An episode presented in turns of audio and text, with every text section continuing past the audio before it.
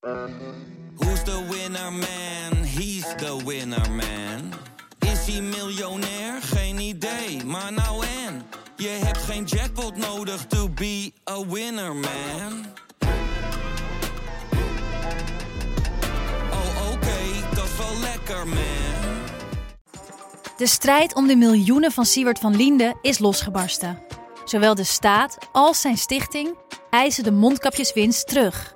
Maar dat die opbrengst in ieder geval niet thuis hoort bij Van Liende, daarover kan toch eigenlijk geen twijfel bestaan. Hoe kon het zo ver komen? Dit is het. We hebben beet. En als Siewert het geld teruggeeft, kunnen wij dit schandaal dan eindelijk loslaten? Je hoort het in de Mondkapjesmiljonairs, exclusief bij Podimo. Ga naar podimo.nl/slash mondkapjes.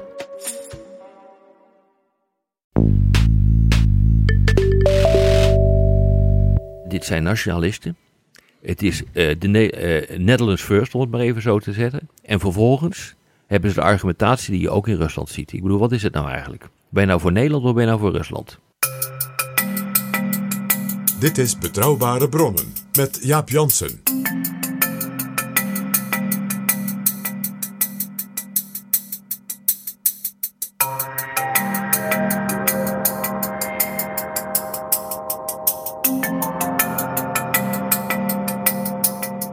Hallo, welkom in Betrouwbare Bronnen, aflevering 30.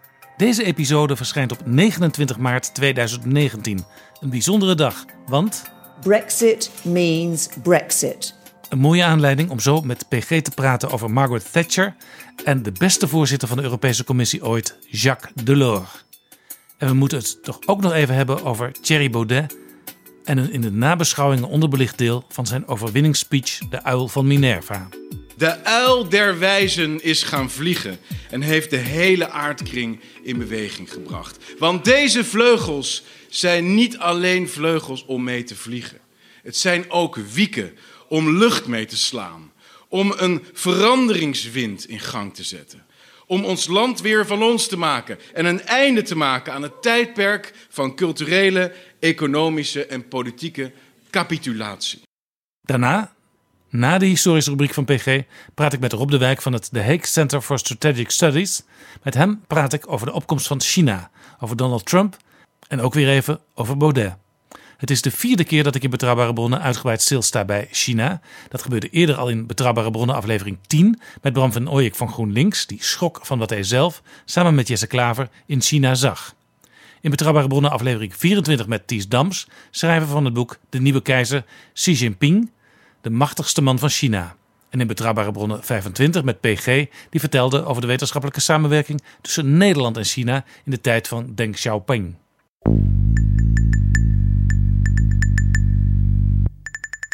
Het gesprek met Rob de Wijk gaat behalve over het China van Xi Jinping ook over Donald Trump. Hij is uitgenodigd voor de top van regeringsleiders in december 2019 in Londen, waar het 70-jarig bestaan van de NAVO gevierd wordt.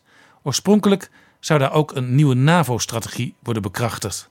Maar dat gaat niet door, zegt Rob de Wijk.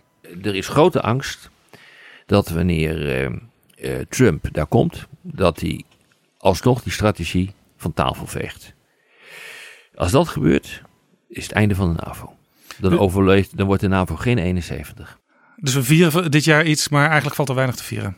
Er komt dan een, eh, een of ander communiqué met ronkende tekst, maar er moet een nieuwe NAVO-strategie komen. Want de, de wereld die we hebben beschreven, de afgelopen minuten, is een wereld waar ook de NAVO zich op moet gaan aanpassen. Nou, als je dat dus niet wil, dan eh, ja, wordt zo'n NAVO natuurlijk overbodig op een gegeven ogenblik.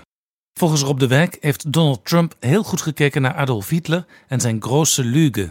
Hitler heeft gezegd van als je liegt moet je goed liegen en je moet het volhouden. En ook al weten mensen dat het niet klopt, maar als je maar gewoon er iedere keer overheen gaat en leugens nog groter maakt, dan geloven de mensen je en eh, je kunt op die manier de bevolking meetrekken. En dat is nou precies wat, eh, wat Trump ook doet. Het lijkt wel of hij Mein Kampf op dat punt heeft eh, gelezen. Ja, ja, dat is een soort taboe natuurlijk in het algemeen om Ja, maar inmiddels... met Hitler te vergelijken, om, om het woord fascisme Ja. te gebruiken. Ja, maar ik heb het woord fascisme ook niet gebruikt. Het komt er wel oversticht bij hoor.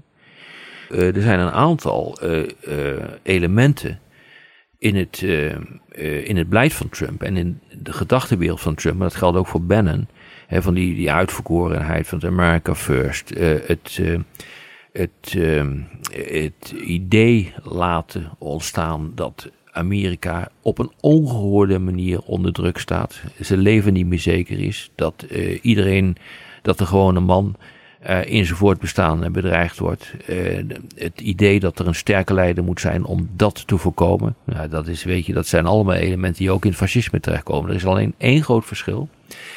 En dat is dat Trump nog niet oproept tot geweld. Uh, dus dat heeft hij, heeft hij wel heel erg dicht tegen aangezeten. Ja, bij die rellen bijvoorbeeld, ja. waarin hij het over the ja. finest people had. Ja, daar, heeft, daar ging hij al een grens over. Maar hij heeft niet structureel opgeroepen tot geweld. Uh, maar daar is hij. Maar zijn wat er gebeurd is in Charlottesville is. Zijn campagnespeeches wees hij steeds naar de pershoek. Op, daar zitten ze. Ja, daar zitten ze. Exact. En hij heeft ook op een gegeven ogenblik uh, gezegd van als iemand, uh, iemand een anders denken in elkaar slaat, ben ik bereid om zijn. Uh, om zijn advocaat te betalen. Iets in die, in die woorden. Dus ja, hij, hij, schurkt, hij schurkt er tegenaan. Maar ga je dus echt volop die grens over, dan zit je in het fascisme. Dit en veel meer straks in een gesprek met Rob de Wijk. Jaap Jansen en Pieter Gerrit Kroeger duiken in de politieke geschiedenis. Welkom, PG. Dag Jaap. Brexit means Brexit. And we're going to make a success of it. PG, we gaan het zo hebben over een onderwerp waarvoor Brexit de aanleiding is. Zeker. De aanleiding is, ik word helemaal... Geëmotioneerd, ja. ja. Gelukkig uh, hebben we nog een paar weken voor die Brexit. Ja. Bij 29 uh, maart was oorspronkelijk de datum. En dat leek mij een mooi moment om even in de historie te duiken. En terug te kijken naar de, je zou bijna zeggen, de wittebroodsjaren van de Brits-Brusselse verstandhouding. Namelijk de bijzondere band die er is geweest tussen Margaret Thatcher en Jacques Delors. Maar we moeten het eerst hebben over iets anders. Toch moeten we het daar nog over hebben. Want PG, we staan te midden van de brokstukken van wat ooit de grootste en mooiste beschaving was die de wereld ooit heeft gekend. En zo staan we hier vanavond te elfder uren, letterlijk, te midden van de brokstukken van wat ooit de grootste en mooiste beschaving was die de wereld ooit heeft gekend. Een beschaving die alle uithoeken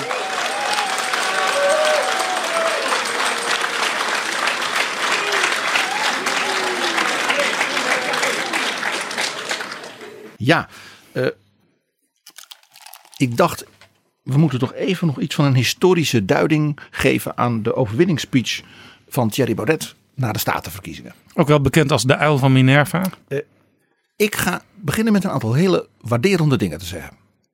Want het was duidelijk, hij had deze reden heel goed voorbereid. Uh, er zat een opbouw in. Uh, hij wilde een aantal grote thema's van zijn denken nog eens naar voren brengen. Ik vind dat dat waardering verdient. Ja, wat wel heel interessant was, vond ik als politiek journalist. Dat al die onderwerpen uit die redenvoering. die waren juist in de verkiezingscampagne helemaal niet aan de orde geweest. Daar ging het gewoon over het klimaat, heel erg. Het ging over koopkracht. En het ging over immigratie. En dus allemaal down-to-earth onderwerpen waar iedereen wel een gedachte bij heeft. Terwijl bij de uil van Minerva en bij de boreale wereld heeft bijna geen enkele Nederlander een gedachte. Nu wel misschien, maar tot dat moment niet. Nou ja, het meest opvallende was natuurlijk dat uh, de partij die bij die statenverkiezingen zo'n mooi resultaat haalde, nauwelijks een programma en volkomen onbekende kandidaten had die ook aan geen enkel debat hadden deelgenomen. Wat dat te maken heeft met dat je een forum vormt van ontmoeting van ideeën en met democratie is een vraag op zich. Maar ik wou het daar nu niet over hebben. Wat ik waardeerde was dus dat hij niet een soort makkelijk hoera-praatje hield. En bedankt onze kiezers, en je kent dat wel. Of een een of ander hysterisch dansje, zoals hij bij een vorige verkiezing deed. Maar een serieus betoog wilde houden. Het neigde daardoor wat naar de andere kant van een hysterisch dansje. Een soort State of the Union van uh, de president van de Republiek der uh, Twaalf Verenigde Nederlanden. Maar ach, uh, hyperbolend, zij zijn nu eenmaal een beetje de stijlfiguur die Baudet het meeste hanteert. Ik vind het verdient dus een historische analyse, een serieuze analyse.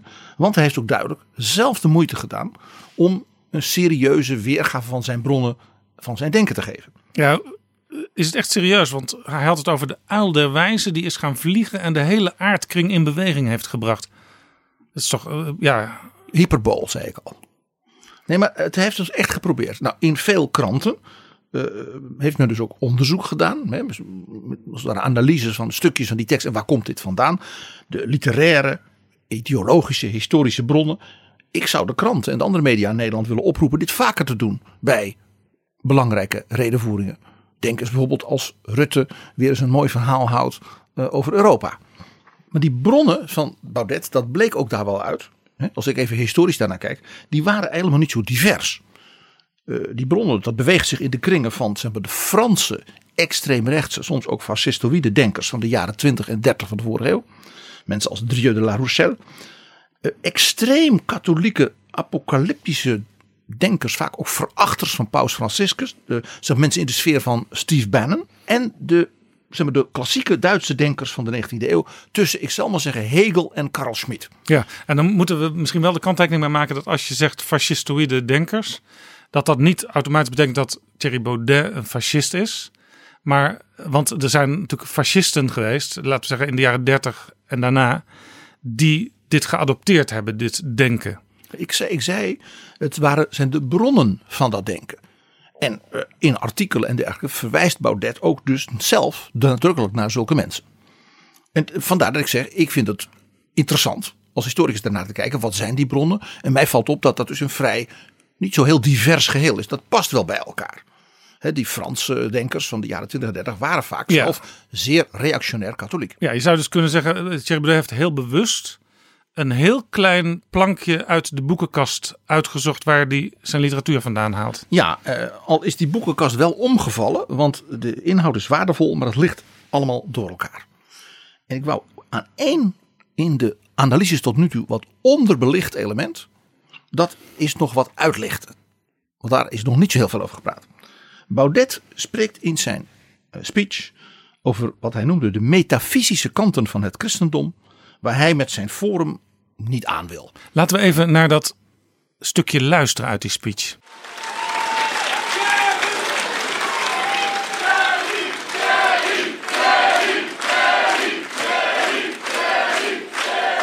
Wij weten. Als, als FVD'ers weten wij dat je de metafysische grondslagen van het christendom niet hoeft te aanvaarden om toch de wederopstandingsgedachte als leidend motief hè, van de westerse beschaving te kunnen aanvaarden.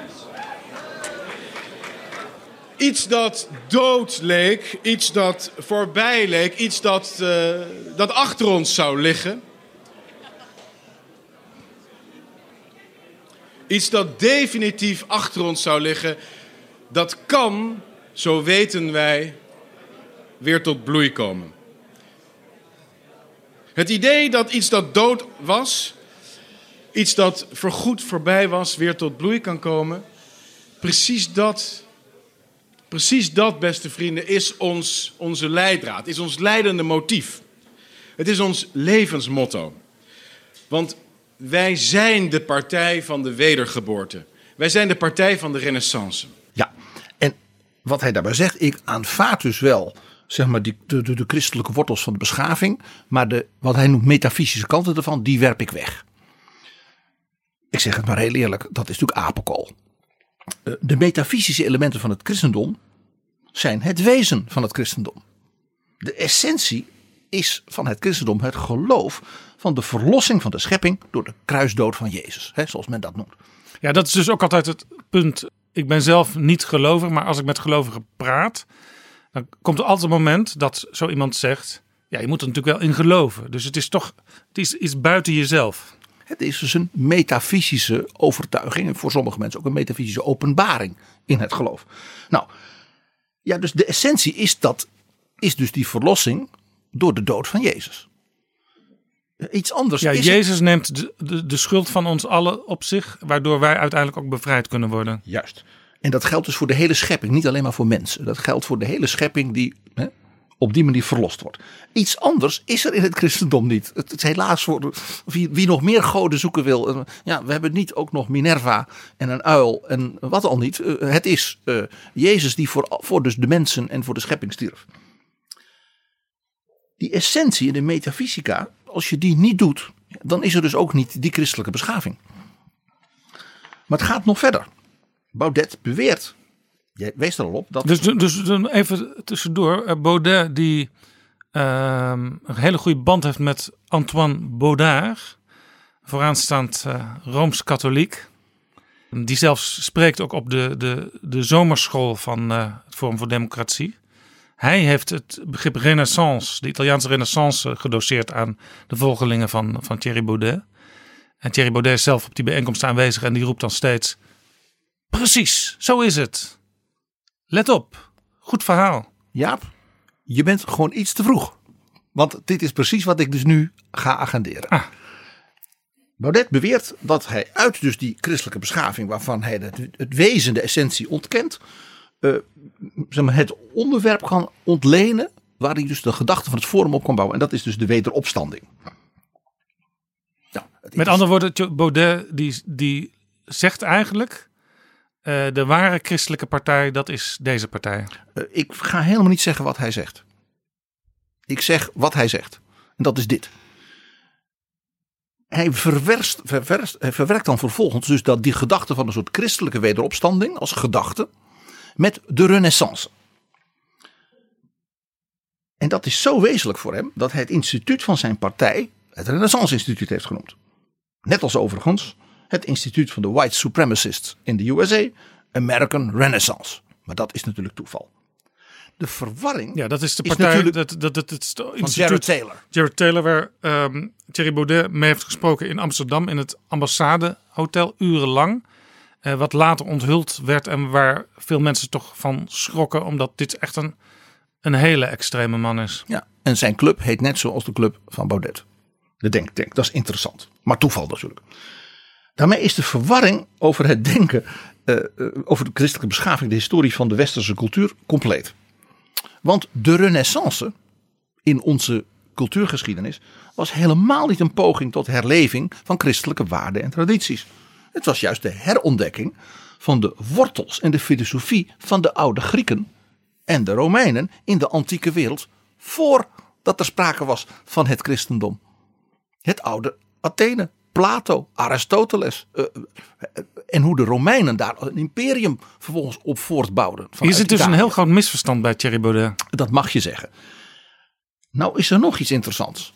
Eh, hoe kwam nou die, kwamen die antieke wortels, dus de filosofieën, de boeken, Herodotus, eh, Aristoteles, de Griekse wetenschap, denk aan eh, eh, eh, Archimedes en dergelijke. Hoe kwamen die in het Italië van de middeleeuwen en aan de Europese universiteiten, waarop dus die renaissance ontstond? Dat kwam, net als de mathematica en het, en het besef van bijvoorbeeld een getal als nul en het wiskunde in die eeuwen vanuit El Andalus en Bagdad door de moslims. Tussen zeg maar, de 10e tot en met de 12e eeuw. Met nog een soort extra golf aan het begin van de renaissance. Door de val van Const- Constantinopel. Dat werd ingenomen door de Turken. Dus de, de, laten we zeggen, de moslimwereld heeft ervoor gezorgd dat die dingen ontstonden waar Thierry Baudet nu zijn partij op grondvest. Ja, en waarin dus in het middeleeuwse Europa, dat dus gedomineerd werd door die christelijke beschaving, er dus een heel nieuwe manier van denken uit het voorchristelijke antieke Griekenland en Rome via de moslims als het ware weer als moderne nieuwe ideeën terechtkwamen. De beschaving die Baudet wil doen herreizen is kortom heidens, antiek en is na onze voorouders overgedragen door de geleerden, de kunstenaars in Sevilla, Cordoba en Damascus. Die hele wederopstandingsgedachte van dat boreale Europa, waar hij het dan over heeft, is dan ook nergens geïnspireerd op christelijke waarden, op christelijke tradities. Dat komt uit de koortsdromen van mensen als Oswald Spengler. Het idee dat je dus als het ware je voortbouwt op christelijke waarden en tradities. Dat dat dus bij Forum juist niet gebeurt, daar is een heel helder voorbeeld voor. Er is in de historie van zeg maar, de voorbije eeuw natuurlijk één groots project waarin christelijke waarden als verzoening, elkaar de hand reiken, geweldloos samenwerken en omzien naar elkaar centraal staan. En dat is de les die dus mensen hebben getrokken uit wereldwijde vernietiging en de racistische moordlust. Denk aan de Shoah en het nationaalsocialisme. Dat project is de Europese Unie. Waarin landen hebben gezegd nooit meer oorlog. Wij gaan met elkaar samenwerken, dat zal lastig zijn. Maar we zullen ook cultureel elkaar proberen te verstaan, maar nooit meer dit. Verzoening, hè? Duitsland en Frankrijk en natuurlijk ook de rest van Europa en na de val van de muur ook natuurlijk Oost-Europa daarbij. En juist die Europese Unie is kapot. Ja. Nexit, Brexit, Poetin-aanhangers die zeggen weg met dat Europa. Is dat nou toeval? Het antwoord is nee, dat is geen toeval. De wederopstelling van dat boreaal Europa is exact het omgekeerde immers van de Unie. Het is het nastreven van de Untergang des Abendlandes hè, van Spengler. En van daaruit een soort herstel krijgen van een blank, superieur, arisch Europa. Een soort raciale gedachte. Ja. En daarom dat, tussen, dat er een logica zit tussen die gedachte van wederopstanding in volstrekt niet christelijke zin. Met het denken van geestverwanten uh, van het forum als Jordan Peterson, de al genoemde Jared Taylor, Jean-Marie Le Pen en Alexander Dugin. Alexander Dugin is de Rus die ook het Kremlin regelmatig bezoekt. Ja, en die vol bewondering spreekt over Thierry Baudet. Deze week nog in een gesprek in NRC Handelsblad. En Dugin heeft volstrekt gelijk. Vanuit Dugin gezien. Want in zijn filosofie is die koortsdroom. Uh, Sylvester Eifinger zei vorige week uh, dwaalleer. Ja, van die, dat, dat, dat zegt boreale herstel, die wederopstanding. Heel duidelijk uitgewerkt. Dugin ziet namelijk de val van de Sovjet-Unie. Wat voor hem en zijn geesteskring natuurlijk essentieel is. De val van de Sovjet-Unie is de kans voor de wederopstanding van Moskou als het derde Rome. Dus het Rome van de Romeinse keizers en de paus van het christendom. Het tweede Rome was natuurlijk Constantinopel van het christelijke keizerschap van Constantijn de Grote. En na de val van Istanbul, we hadden wees erop, het derde Rome is het orthodoxe Moskou. Ja, er moet dus eerst iets, iets verschrikkelijks gebeuren of iets schijnbaar verschrikkelijks, waarna er iets moois, iets mooiers kan ontstaan. En dat mooie, dus dat verschrikkelijke was dus de Sovjet-Unie, die stort in. En dat mooie is dus een teruggreep op iets van eeuwen oud. Uh, het ware heilige Rusland, zoals ze dat noemen. Dat gaat nu herleven. En die manier van denken is dus sterk mystiek. Ge ja, is iets wat we overigens ook zagen bij toen Joegoslavië ineens stortte. Uh, toen kreeg je natuurlijk Servië en al die andere landen die toen het voortouw wilden nemen en zich ook baseerden op dingen van eeuwen geleden. Veldslagen in Kosovo in de 13e eeuw. Ja, de slag om het Merelveld. Ja, het is ook sterk natuurlijk oosters-orthodox. Het is helemaal niet zeg maar westers uh, protestant-katholiek. Uh, het is heel interessante term die Dugin gebruikt is arctoglaciaal. Dus dat is de pool, arctisch en ijs. En dat is dus het, de Russische term voor boreaal. Dat noorden waar het koud is en waar je dus sterk wordt. Het is messianistisch, men zoekt een verlosser. Het is natuurlijk zeer autoritair in denken en Russisch nationaal. Bij Dugin zijn de tsaren weer terug als autocraten. Ja. Namens God. En, en, en Baudet zegt zelf ook uh, sterk door strijd. Je moet strijden om sterk te worden. Het is ook letterlijk bij uh, mensen als Dugin Caesaropapistisch. Dat was de term die men in de middeleeuwen gebruikte voor de tsaren. Ze waren Caesar, keizer en papa, paus in één persoon. Ze zijn dus een zowel wereldlijke als geestelijke leider en daarmee verlosser. Ze zijn vader de tsar die moedertje Rusland leidt. De heerser is een man, de aarde, het volk is een vrouw.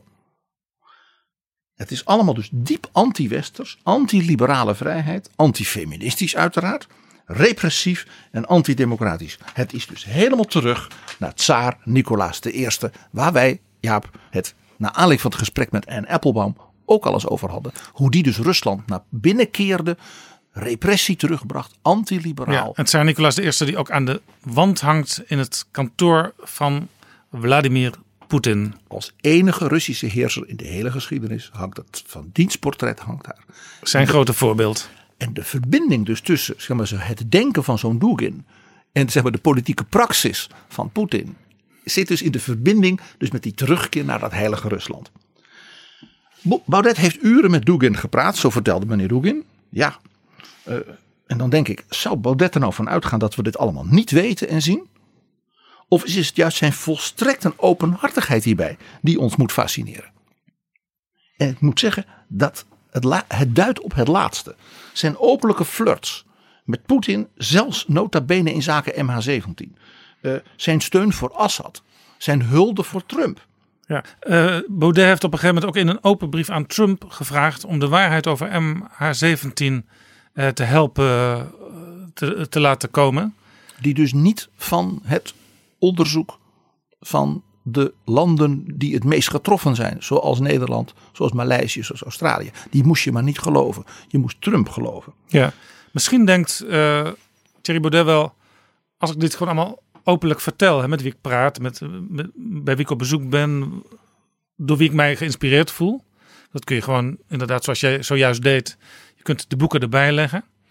Uh, dat maakt mij ook het minst kwetsbaar, want er kan nooit iemand achteraf roepen, ja maar dit en dat. Ik, ik heb het zelf al verteld. Ja, en als je er dan uh, dus iets van zegt, dan is het demoniseren. Dat is het grappige hiervan.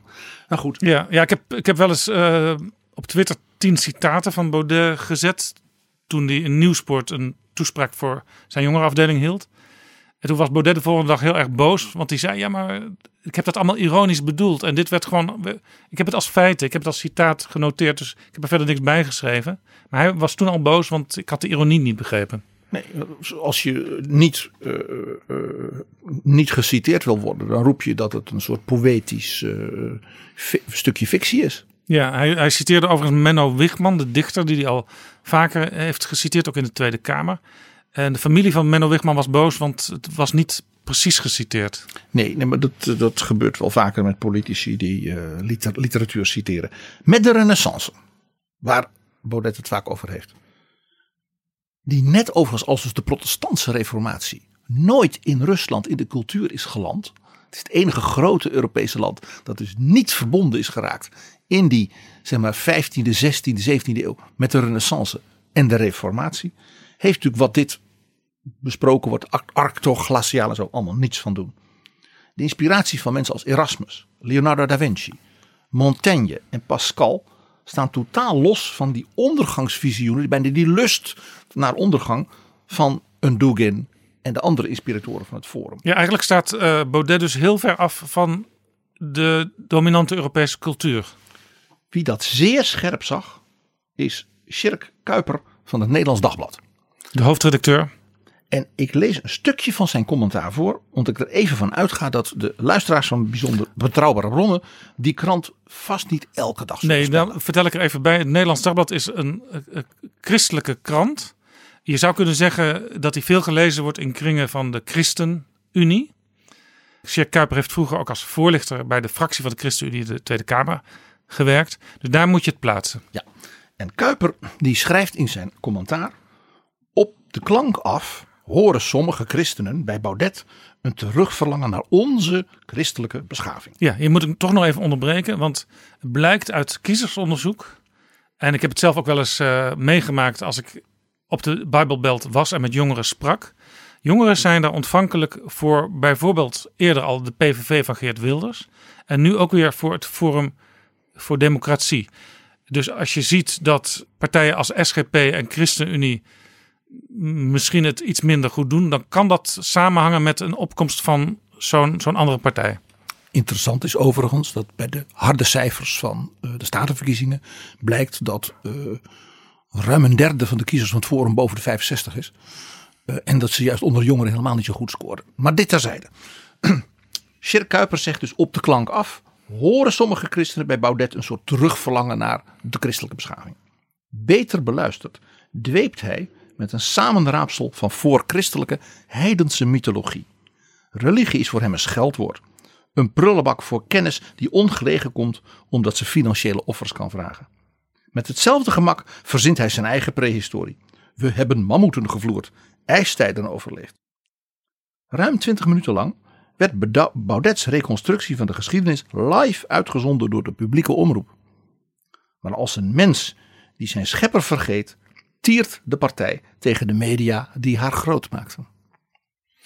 Prachtig gezegd door Sjerk Kuiper. Overigens op het eind van, van die speech, de uil van Minerva, had uh, Baudet nog over op deze rots gaan wij onze zuil bouwen.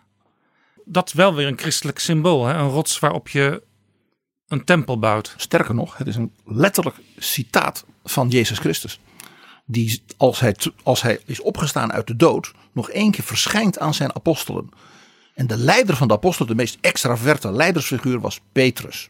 En die had hem op de Goede Vrijdag van zijn kruisiging tot drie keer toe verraden. Gezegd, nee, ik ken die man niet. En hij vraagt hem tot drie keer toe. En dan dringt dus tot Petrus door wat hier gebeurt tussen hem en zijn heer. En dan, dan is hij helemaal weg. En dan zegt hij, op deze rots zal ik mijn kerk bouwen. Niet mijn zuil, op deze rots zal ik mijn kerk bouwen. En daarom dat Simon, want zo heette deze, Petrus heet in het Latijn. Dat betekent rots. Rots. En daarom dat de opvolgers van Petrus, dus de mannen zijn op, hè, van wie, op wie rots de kerk staat en zijn graf staat dan ook in Rome, in de kelder van het Vaticaan. Dankjewel, PG. Dit is Betrouwbare Bronnen, een wekelijkse podcast met betrouwbare bronnen.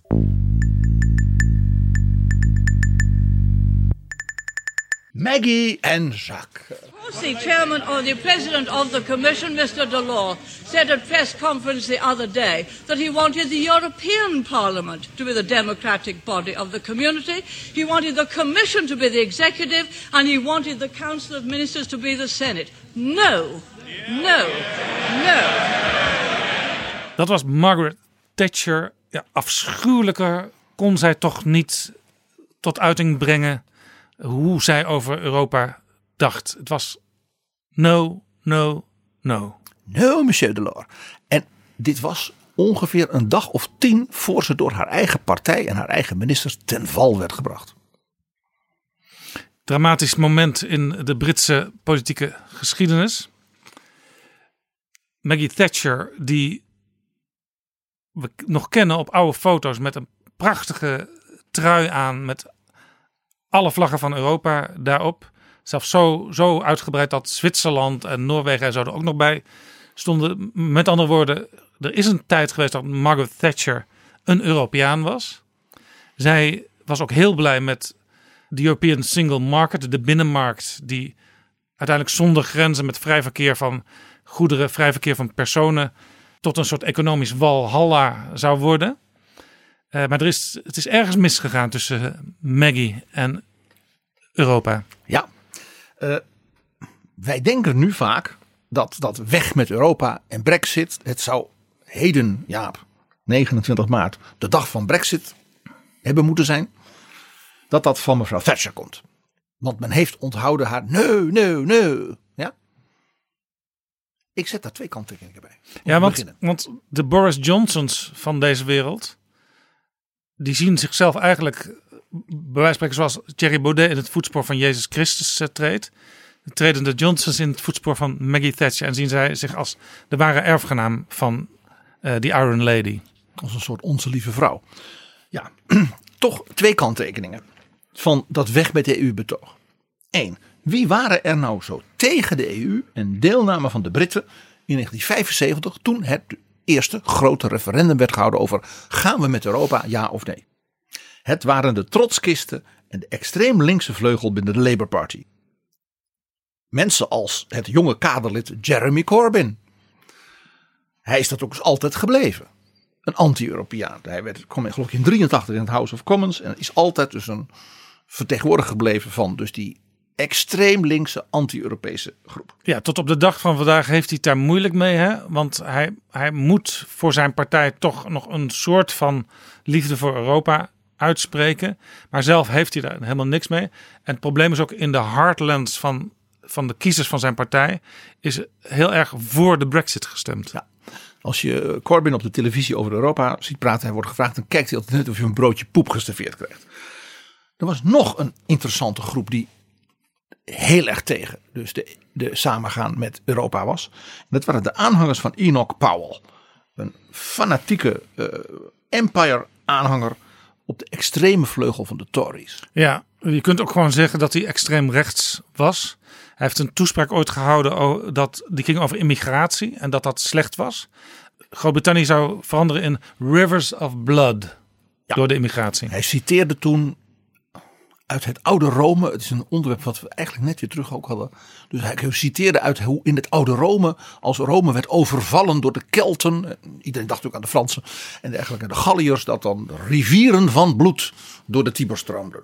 Dat was dus, verwees dus niet naar Engeland. Het- hij was zeer belezen en kende dus alle klassieken uit zijn hoofd. En zijn toespraken waren ook daarom beroemd. Ja, dus de zeer linkse aan de ene kant. Jij zegt ook trotskisten. En de zeer rechtsen aan de andere kant. Die moesten niks van dat Europa hebben. Precies.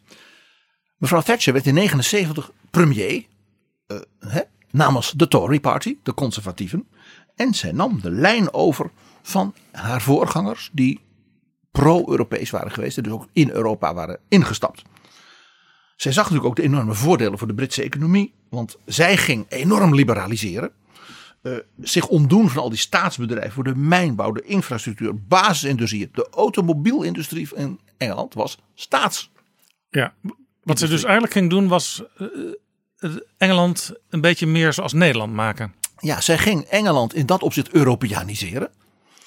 En er was nog iets. De boeren in Engeland stemden allemaal op de Tories. En die waren dolblij met de EU. Want die kregen dus EU-subsidies voor modernisering, innovatie, eh, we zouden nu zeggen milieuachtige dingen. En dat gold in het bijzonder voor de zeer rijke adellijke families. Met enorme landerijen, waaronder ook de Queen. Die hadden dus heel veel plezier van Europa. Ja, en het was ook zo. Ik weet niet in hoeverre dit ook voor de Britse eh, landerijen en, en de, de boeren gold, maar dat ehm, boeren, we zeggen, agrarische industrie die niet goed liep, dat die ook hulp kon krijgen, al was het maar om het af te bouwen. Precies.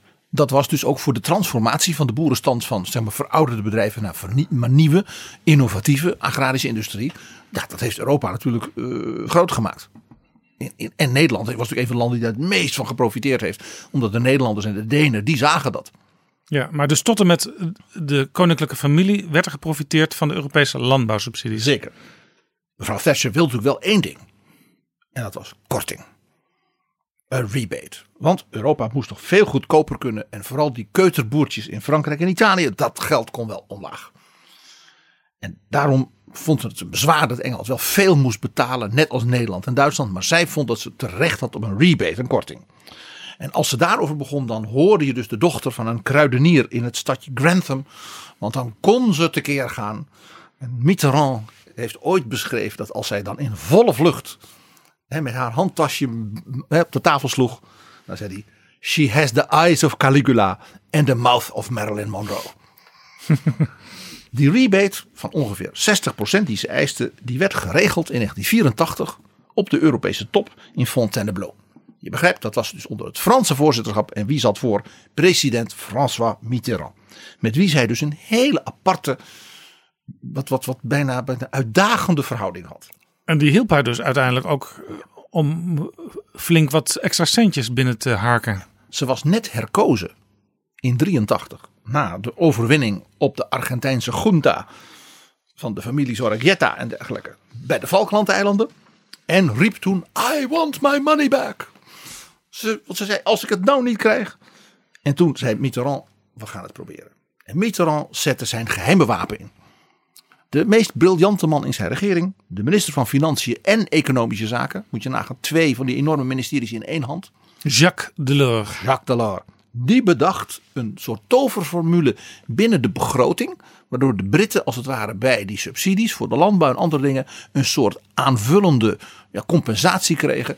Wat dan niet ten koste ging van bijvoorbeeld de boeren op Sicilië. Ja, en je moet dan natuurlijk een, een regel bedenken die zo specifiek is dat niemand kan zeggen dat er geen gelijkheid meer is in Europa. Want bij regels moet je natuurlijk altijd iedereen gelijk behandelen in dezelfde omstandigheden. Je moet dus een uitzondering vinden die alleen voor dat specifieke geval geldt. Uh, daar heb je dus een briljante uh, uh, econoom en financier voor nodig. En ook iemand met een vlijmscherp politiek gevoel. Dat gold voor Jacques Delors. Thatcher kreeg haar rebate. Dus die ging als triomfator, als koningin Elisabeth I na de Armada, hè, terug naar Londen. Achter de schermen dealden Duitsland en Frankrijk even over wie de nieuwe voorzitter van de Europese Commissie moest worden. Want die moest een einde maken aan wat men noemde de eurosclerose, dat Europa niet meer verder kwam. Het liep vast in regelstelsels en er waren te weinig gemeenschappelijke, echt grote lijnen voor Europa. Zij vo- vonden, en ze zochten natuurlijk, Jacques Delors. Die werd dus op diezelfde Eurotop benoemd tot voorzitter van de Europese Commissie. De baan zeg maar, die Juncker nu heeft. En het was dus ook zo dat met name Thatcher heel erg ook voor Delors kon stemmen. Want zij was juist door hem geholpen. Ja, zij zag dus dat hier een briljante eh, Fransman was. En ze begreep natuurlijk ook dat Mitterrand als voorzitter van die vergadering die haar die rebate had gekund, natuurlijk zelf ook iets moest krijgen. Een triomf. En er was nog iets.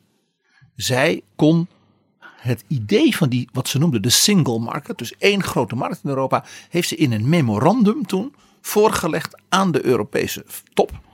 En Delors, de nieuwe voorzitter van de commissie, die zei: geef dat maar eens aan mij mee. Dat vind ik interessant. Dus zij dacht: wie weet. Ja, zij kon dus eh, ook haar gedachten via Delors uh, tot grote bloei kunnen, laten komen. Jij hebt trouwens uh, nog enige tijd voor Jacques Delors gewerkt, hè, PG? Na ja. jouw periode dat je assistent was van uh, minister Deetman van Onderwijs. Toen ben je naar Brussel gegaan. Ja. En uh, kwam jij ja, in, in, de buurt van, in, in de, buurt van, de, van Delors. de grote Delors te werken. Le Président werd hij gewoon door iedereen genoemd. Dan wist je ook over wie het had. Wie was hij? Delors was een Franse socialist. En zeer katholiek. Wat je in Frankrijk dus meer hebt, je hebt dus een deel. We hadden het er hier, hiervoor even over bij, bij, ook over bij de, de bronnen van Baudet. Dus reactionaire Franse katholieken, jaren 20, jaren 30, die dus de kant van Mussolini en het fascisme opgingen. En de sociaal voelende katholieken, dus er was een soort splitsing in katholiek Frankrijk, die dus niet voor Vichy waren, die waren voor het verzet. Uh, en die gingen dus na de Tweede Wereldoorlog als het de linkerkant op. Tot die katholieken behoorde dus Jacques Delors. Zijn grote leermeester in de economie en Europees denken was Jean Monnet. Zeg maar, ja, de, eigenlijk de, de bedenker überhaupt van het idee van de Europese samenwerking. Ja. Hij was zeer sober. Delors was dus, uh, hoe, hoe, katholiek en Frans hij ook was, was het een man met een bijna Calvinistische soberheid. Uh, geen plichtplegingjes, geen gedoe, geen barokke toestanden. Vlijmscherp. Daarin charmant. Uh, en een workaholic. Uh, ik kan hem alleen maar vergelijken met wat er vorige week heel even met Jos van Kemenade of ook met Wim Deetman. Zo'n man die vier uur per dag sliep en verder ademde en ja, leefde. Dus in die combinatie van facetten een, een heel uitzonderlijke persoonlijkheid. Ja, politiek briljant. Uh, ik zal je eerlijk zeggen, uh, als mijn baas was hij, hij was nog briljanter dan Ruud Lubbers, die mijn baas is geweest. Dus dat zegt wel iets. Als ik, mag je één klein voorbeeld geven. Hij had als president van de commissie natuurlijk altijd een paar commissarissen van de toen, nou ja, 16, 17. Toen was het nog zo dat de, meeste, de grote landen er twee hadden en de kleinere landen één.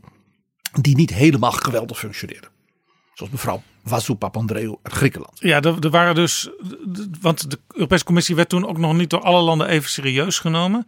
Dus soms werd er ook gewoon iemand gedropt die uit de nationale politiek, ja, die daar geen plaats meer had. De bekende leus stuur je opa naar Europa.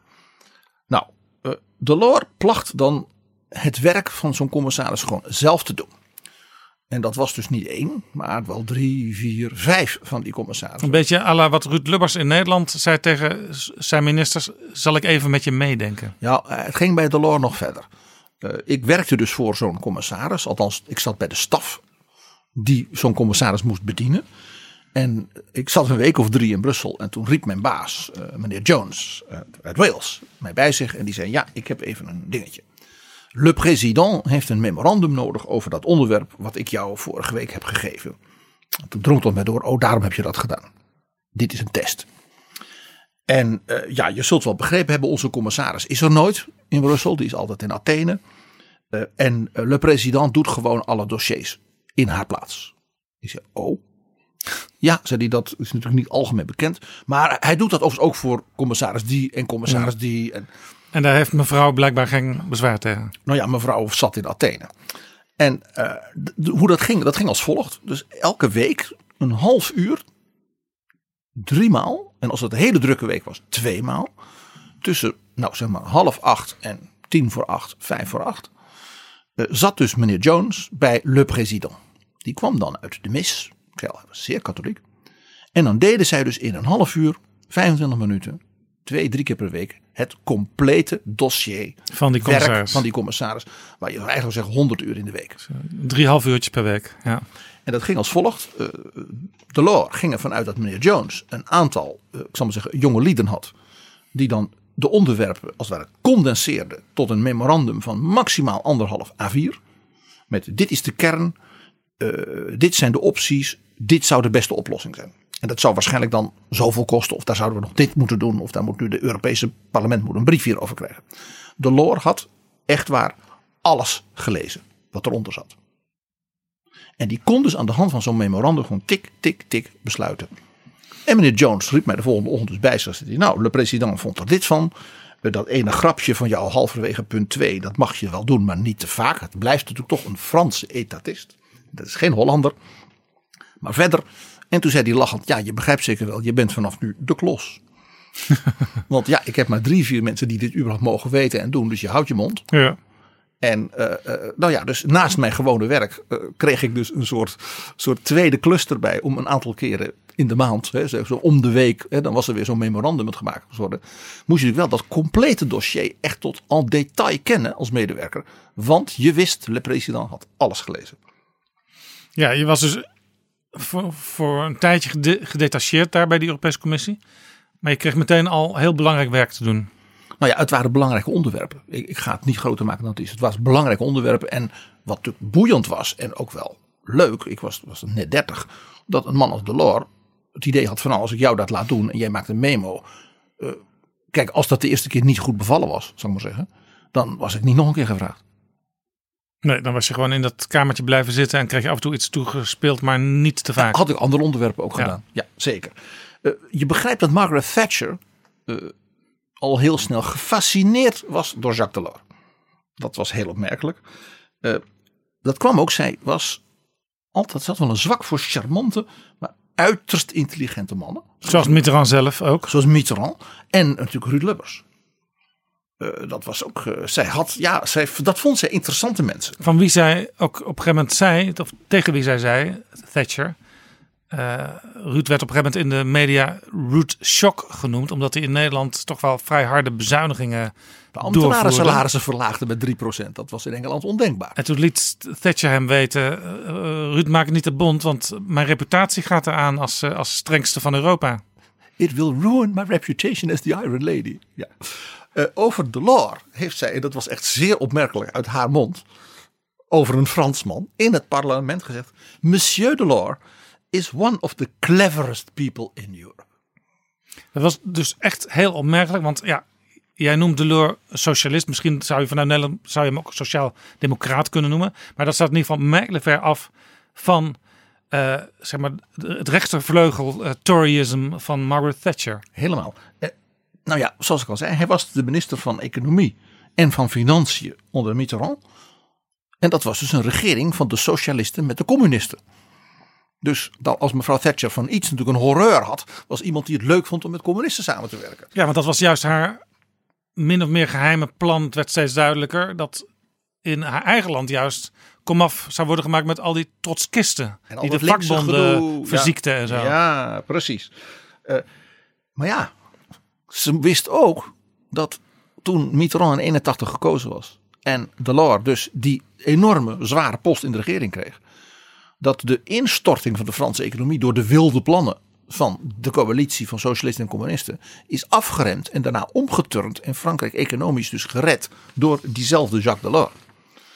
Want hij was dan wel een socialist, maar hij was helemaal geen meeloper met de communisten door dat zeer katholieke, uh, sociaal denkende van herkomst. Ja, nee, en soms moet je eventjes, omdat jouw achterban dat blijkbaar verlangt, zo'n coalitie aangaan met in dit geval communisten. Ja. Eigenlijk, je weet van tevoren dat gaat mis. Maar als het dan mis is gegaan, dan kunnen we ook in één keer ervan af. Ja, het is precies wat er gebeurd is. Uh, hij was, zoals mevrouw Thatcher in die tijd zei, sound. Ja? Uh, ze zag in hem dus zowel een bondgenoot tegen, zeg maar, al te wilde linkse plannen hè, in Europa. En tegelijkertijd zag ze dat hij ook, omdat hij zo ongelooflijk briljant was, een gevaarlijke opponent zou kunnen zijn. Het is vooral Helmut Kool geweest als kanselier. Die haar dus heeft overtuigd Delors te steunen. Want die zei dat is helemaal geen Latijnse geldverkwister. Eh, Met, eh, hè, met eh, drank en vrouwen zoals Jeroen Dijsselbloem zou zeggen. Maar hij is juist heel sober en zeer krachtdadig, effectief. Ja. Want zijn leermeester is Jean Monnet. Dus hij is juist geen dogmatisch linkstype. En hij had tenslotte Frankrijk gered. Dus als je eentje kunt vertrouwen in Frankrijk, dan is het Jacques Delors wel. En ja, Helmut Kool had dat dus goed gezien. Ja. Want Delors is natuurlijk toch sindsdien de benchmark geworden voor een zeg maar, Europese eh, leider. Eh, Als, als voorzitter van de de president van de commissie en dergelijke. Ja, dus Thatcher was blij. eh, Frankrijk was blij. Wij waren blij. Kool was blij. Thatcher kreeg dus gelijk in haar vertrouwen in deze Franse socialist. Want hij was meer dan sound. Hij bleek dus een visionair. En die kreeg dingen voor elkaar. Dus niet alleen maar grote visioenen. Geweldige toespraken. Dat was helemaal niet zo'n geweldige toesprakenman. Maar doordenken. Nee, aan de hand van één zo'n memo. Drie punten. Dan gaan we het zo doen. Tik, tik, tik. En dat. Ik zal maar zeggen. eh, 20 uur van de 24 uur op een dag. En dat gewoon het hele jaar door. Ja, want ik herinner me die tijd. Ik heb de- Delors ook wel eens eh, meegemaakt in het Europees Parlement, waar dan op woensdag de commissie vergaderde en dan na afloop werden er wat eh, mededelingen gedaan. En als je Delors door de gang zag lopen, daar, daar, liep niet een enorme grootheid of zo. Dat was een vrij doorsnee man. Je zou hem bij wijze van spreken in de straat in Parijs niet eens herkennen als je niet heel erg ingevoerd bent. Maar wat wel gebeurde, je noemde straks ook het, had je het over eurosclerose, wat in de jaren daarvoor plaatsvond. Europa was toch een soort bureaucratisch ding, een beetje een moloch. En er kwamen allerlei regeltjes uit, maar ja, waar stond het nou eigenlijk voor? Daar, werden, daar kon je vraagtekens bij zetten. En hij ging heel structureel, ehm, ja, toch een soort visie neerleggen en plannen voor de komende 10, 20 jaar. Waar moest Europa naartoe? Ja, en wat hij dus deed, daar zag je dus ook zijn politieke brieën in. Dat hij dus dat concept van de single market, wat natuurlijk eigenlijk heel Thatcheriaans was. Alle grenzen weg, geen tollen, hè, gewoon één grote markt en het bedrijfsleven kan feestvieren. Ja, ondernemen. Daarvan zei hij, dus deze Franse katholiek sociale linkse minister zei van prachtig.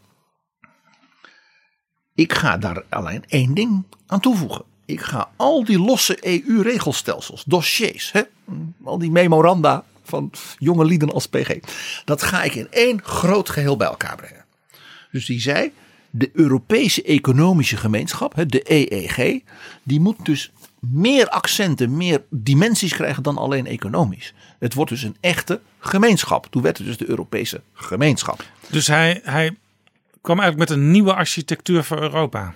Wat hij dus deed, was al die losse dingen, dus de economische dingen, de sociale regels die in Europa gemaakt werden, de financiële afspraken, investeringen in R&D, innovatie, kennis, onderwijs, heel belangrijk bij hem, technologie, natuurlijk de landbouw en de industriebeleid. En hij maakte daar één totaalvisie van. En hij combineerde dat dus met dat weghalen van die binnengrenzen voor vrijhandel. En dat wordt, wordt dus de interne markt genoemd. En dat gaf dus een enorme boost aan Europa. Niet alleen economisch, maar ook diplomatiek in de wereld. Ineens voor de handelsbetrekkingen. De eurocommissaris, die dus onder Delors werd belast met het doen van dus de onderhandelingen met de andere wereldmacht op het gebied van handel, was Frans Andriessen. Die onlangs overleed. Ja, de Nederlander, de CDA, Frans Andriessen.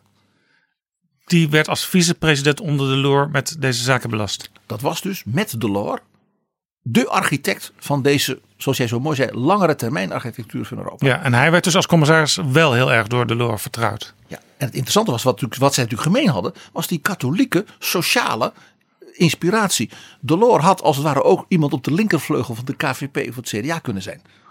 Zij Ja. dat hij niet meteen met Ja. de communisten zou gaan regeren. Maar dat had ook te maken met de, eh, de Franse polarisatie. Dus er kwam dus één geheel, coherent. En het betekende, dat was iets wat Delors ook altijd zei, dat naast de USA en wat toen nog Pacific en Japan was, hè, China was nog niet op dat moment zo in beeld als nu, er een global player ontstond met een coherent lange termijn beleid van 300 miljoen toen welvarende ja, burgers met een grote koopkracht, met sterke bedrijven, fantastische universiteiten en dergelijke. En die konden dus in de wereld mee bepalen wat de grote afspraken waren. Ja, hij zorgde dus, dus voor Delors dat Europa een economische supermacht werd.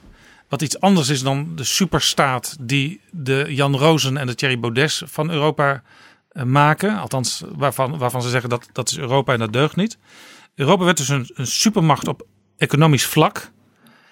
Maar dus meer alleen dan op, ik zal maar zeggen, op, e- op kleine economie. Om op grote economie. Dus wat zijn de afspraken die je wereldwijd maakt over de handel? Over mil- milieubescherming. Over, eh, eh, laat ik zeggen, het, het verlagen van tarieven en, van, en het bestrijden van protectionisme. Ja, en, en hierin kon Thatcher dus wel met hem meegaan. Want ja, Thatcher was ook voor zo groot mogelijke globale handel.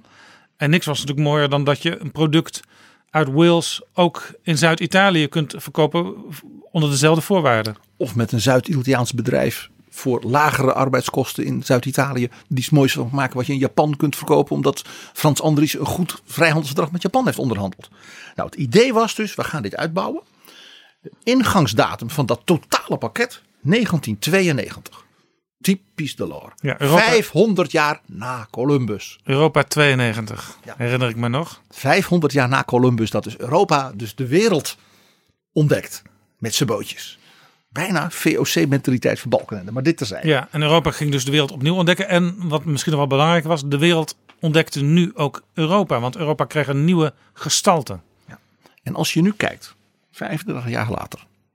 Je kijkt naar de EU nu. Met al die grote vrijhandelsverdragen. Hè, onlangs met Japan ook. Met India, met Korea, met wat dan, Dan, niet. dan kun je dus eigenlijk zeggen dat dat te danken is aan de visie van Jacques Delors. Eh, wat hij heeft bedacht, dat is uitgevoerd voor een groot deel. En daar plukken we nu de vruchten van. Ja, want nu zijn het 500 miljoen mensen ja, in Europa. En is Europa dus ook echt. Kijk nu ook nu Trump ja, zijn, zijn beleid voert. Zie je dus dat China en Japan als het ware tegen Europa aanschurken. Van laten wij het vooral samen doen. Ook met het verdrag van Parijs voor, voor het klimaat. Waar ook India en zo aan meedoet. Dus, dus die, die rol van Europa als een soort medestandaardendefinieerder. Van, van, van zeg maar, goede economische ontwikkelingen in de wereld. Dat is zonder meer de, de vrucht van het werk van Delors.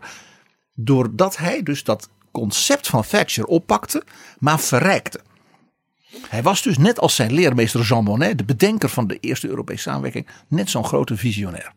En Thatcher liep dus ook nog steeds met hem op in die tijd. Ja, het meest merkwaardige hierin is, is dus nu, hè, 29 maart, dat Brexit in feite het wegvluchten is van het visioen, het idee van Thatcher.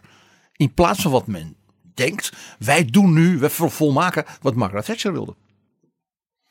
Ja, het is altijd lastig om te zeggen wat iemand zou doen die er niet meer is. Dat kun je, dat kun je ook over Churchill zeggen. Hè, van wat zou Churchill van de Brexit vinden? Eh, maar jouw stelling is dus eigenlijk... ten diepste kan Margaret Thatcher niet instemmen met zo'n Brexit. de Margaret Thatcher van ik zeg maar de begin jaren tachtig. Toen Delors kwam en, en dat idee van de single market oppakte in Thatcheriaanse zin. En daar als het ware een soort katholiek sociale dimensies omheen bouwde. Dat was de Thatcher die Europa wilde. En ja, ook wat Thatcher ook erg beviel. Delors maakte tempo. Hij werd in 85 dus commissievoorzitter. In 87 lag dus het masterplan en de strategie klaar. Dat heette de Single European Act, ook wel de Act Uniek. In twee jaar dus een complete revisie ja, van al die bestaande regels en het tot één samenhangend geheel. Dus er kwam een eurotop. En Thatcher heeft op de eurotop dus volledig ingestemd met die Act Uniek. En die verkocht in het laatste lagerhuis. Dat ze even gezegd, dit plan gaan wij doen. Dit geeft als het ware dat idee wat wij hebben als Britten van vrijhandel. Vrijhandel van goederen, van producten, financieel. Vrijhandel dat mensen vrij kunnen bewegen. Het studeren, het Erasmus-programma voor studenten is een ding van Jacques Delors. Ging in in 87. Is een ding waar hij, heeft het een aantal jaren geleden nog een keer tegen mij gezegd. Als ik ergens trots op ben, is dat het Erasmus-programma. Dat jonge mensen in vrijheid dat gaan doen. Hij zegt dat als die jonge mensen enthousiast worden voor die vrijheid, dan kan dat nooit meer worden teruggedraaid. Toch hebben de meeste mensen die nu eh, aan Thatcher denken, die hebben het idee van dat mens streed tegen Europa. Dus ergens moet het misgegaan zijn. Er zijn twee momenten die je gewoon in de geschiedenis kunt aanwijzen dat je denkt, en toen ging het mis. Eén wereldberoemd moment en één iets daarvoor, een elk bij ons in Nederland vermoed ik helemaal onbekend moment.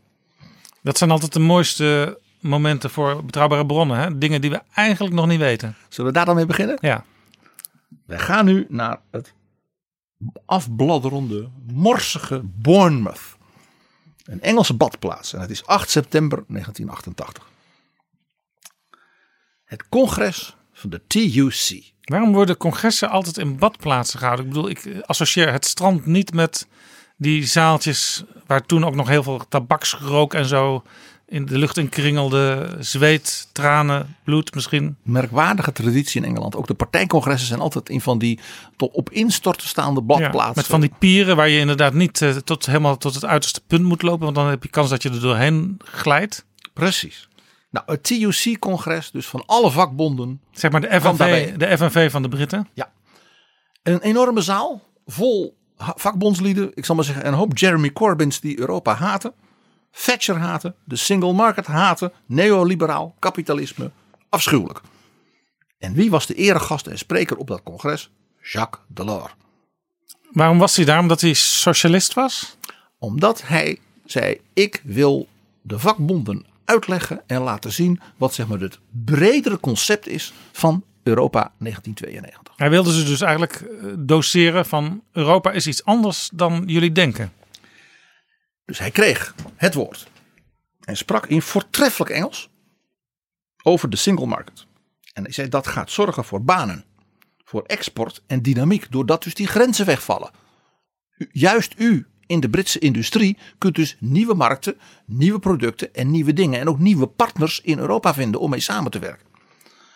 En dat doen we samen met betere afspraken op het gebied van werk, economische groei, de minimumstandaarden voor bijvoorbeeld uh, veiligheid op het werk. Uh, uh, als mensen geen werk meer hebben, dat je ze de herscholing gaat geven. Dat gaan we Europees gaan we dat bevorderen. Wij kunnen in Europa dus afspraken maken tegen loondumping. Ja, dit is interessant, want Thatcher die was juist bezig om de macht van de vakbonden heel erg veel kleiner te maken. En hij vertelde die vakbonden, diezelfde vakbonden, dat ze via Europa sociale regels konden organiseren. die ze misschien in Groot-Brittannië aan het kwijtraken waren. of misschien nog, niet, nog zelfs nog nooit gehad hadden. Die ze nog nooit gehad hadden. Delors zei. Dat is een heel belangrijk punt. Hij zei: iedere jonge werknemer in Europa weet nu dat hij niet zijn hele leven diezelfde baan houdt. Dat zei hij dus toen al, hè, waar we het ja, nu dan over Wat nu gewoon de werkelijkheid is. Leven geworden. lang leren. En dat is dan een probleem voor het kabinet Rutte, Rutte 3 om daar een goed plan te maken. En uh, de SER is daarmee bezig. Delors had het er dus in 88 al over. Dat noemde hij de sociale dimensie van Europa. En in feite zei hij, wij gaan in Europa iets heel onbrits doen. Wij gaan polderen. Werkgevers en werknemers en de Europese Commissie en de regeringen gaan dus samen consensus ontwikkelen binnen die interne markt. In plaats van polarisatie, confrontatie, stakingen en dat soort dingen. En die Delors die door veel mensen uit het publiek van die gestelde kaders daar een beetje sceptisch werd ontvangen in eerste instantie. Uh, die kreeg steeds meer het oor van die mensen daar. En het, het ging, op een gegeven moment ging het er zelfs in als uh, uh, Gods woord in een ouderling.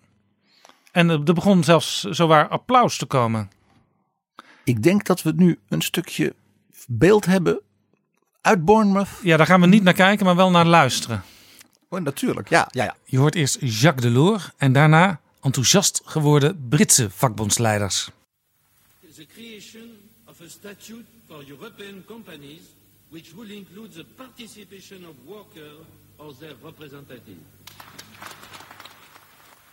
The proposal is on the table of the Council of Ministers and I hope for a quick decision of the 12th government.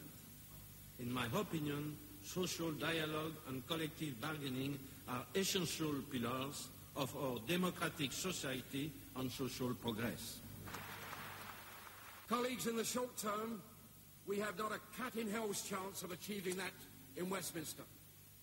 The only card game in town at the moment is in a town called Brussels. And it's a game of poker where we've got to learn the rules and learn them fast. The Prime Minister may be able to drive the whole of Whitehall into the narrow fundamentalist doctrines of Thatcherism. But there's no way that she can stop us reaching agreement in Brussels. It is time we had clear policies. We must press for the development of a single European market that, that favours labour as well as capital. Provisions drawn up in Brussels could give us the rights to consultation and participation long demanded by our European partners. If social measures are to be harmonised upwards, we could start to equal the best working conditions and entitlements already won by many of our counterparts. Nou ja, dat, dat spreekt voor zich, hè, wat, wat, wat we hier horen. Heel mooi hè. Delors zegt dan die interne markt is een krachtimpuls voor our European model of development. Dus economische groei, economische bloei, werkgelegenheid door samenwerken en gezamenlijke verantwoordelijkheid te nemen. Hè? Een model van ontwikkeling. En dan komt die prachtige zin: It is much more than abolishing the barriers to the free movement of goods. En vandaar dus dat verblufte slotapplaus. Als je het op YouTube ziet, dan zie je dus dat die zaal eigenlijk voor een deel stil blijft. En ineens allemaal mensen op verschillende plekken in die zaal gaan staan. Alsof het of er een beroemde operazangeres als daar een schitterend recital is gegeven. En ineens gaan er steeds meer mensen staan. Dat was duidelijk een niet door de zaak en door het bestuur geprepareerd slotapplaus. Ja. Opmerkelijk. Dat zie je zelden bij, op dat soort bijeenkomsten. Dat- ineens werd iets duidelijk voor die mensen daar. Ineens werd duidelijk wat Europa ook zou kunnen doen. Er was nog iets. De Britse pers, de Britse politiek, de media, ja, ook elders in Europa, die zeiden toen: je ziet hier dus hoe strategisch Delors opereert. En dat werd wat spottend in Brussel genoemd de Russische poppetjes. Je kent het wel, die matroeska's. Dan draai je hem open en daar zit er weer eentje in. En die draai je open en daar zit er weer eentje in. Delors had dus een concept. Dus als hij zei, ja, wij gaan die single market doen. Brits, hè, daar was mevrouw Thatcher voor. Vrijhandel zat eronder, was ze voor. En zeiden, ja, als je dus vrijhandel hebt, dan moet je natuurlijk loondumping moet je niet hebben. En dus die kleine poppetjes, dat waren die dingen die hij daar in die sociale dimensie had Ja, gepresenteerd. dus hij, de Delors was er heel sterk in geweest om eerst Margaret Thatcher te overtuigen. En nu de vakbonden te overtuigen. De Britse vakbonden, die echt eh, een stuk ouderwetser waren in hun denken dan bijvoorbeeld de Nederlandse vakbonden. Maar Thatcher, die eh, zat natuurlijk ook mee te luisteren. Die, die keek wellicht ook naar de televisie en die zag dat ook. En die zag dus hier een typische Franse, mag ik zeggen, etatist. Met zijn Cartesiaanse logica. Ja? Als u dit doet, dan dit, dan dit, dan dit, dan dit. En ze zag het zich helemaal ontrollen. Zij zag ineens dat, dat, dat Europa dus niet een puur neoliberaal project was. Grenzen weg, vrijhandel klaar. Maar dat er nog veel meer zou gaan volgen. Ja. Zij zag die Russische poppetjes. En helemaal dat haar grootste vijanden binnenslands, de trade unions, dat concept waar zij zo voor was, zouden gaan omarmen. Zij was natuurlijk iemand van tweestrijd, polariseren tegen de vakbonden, tegen het rode gevaar. En als dat applaus voor Delors beschouwde zij dus niet als applaus voor haarzelf. Dat was een gevaar. Dus de, deze meneer Delors, die one of the cleverest People van in Europe. Europa was, eh, ze had hem ineens door. Ja, althans ze zag als het ware die dimensies daaromheen zaten. En wat ook zag, zij dacht dit is dus echt geen Tory.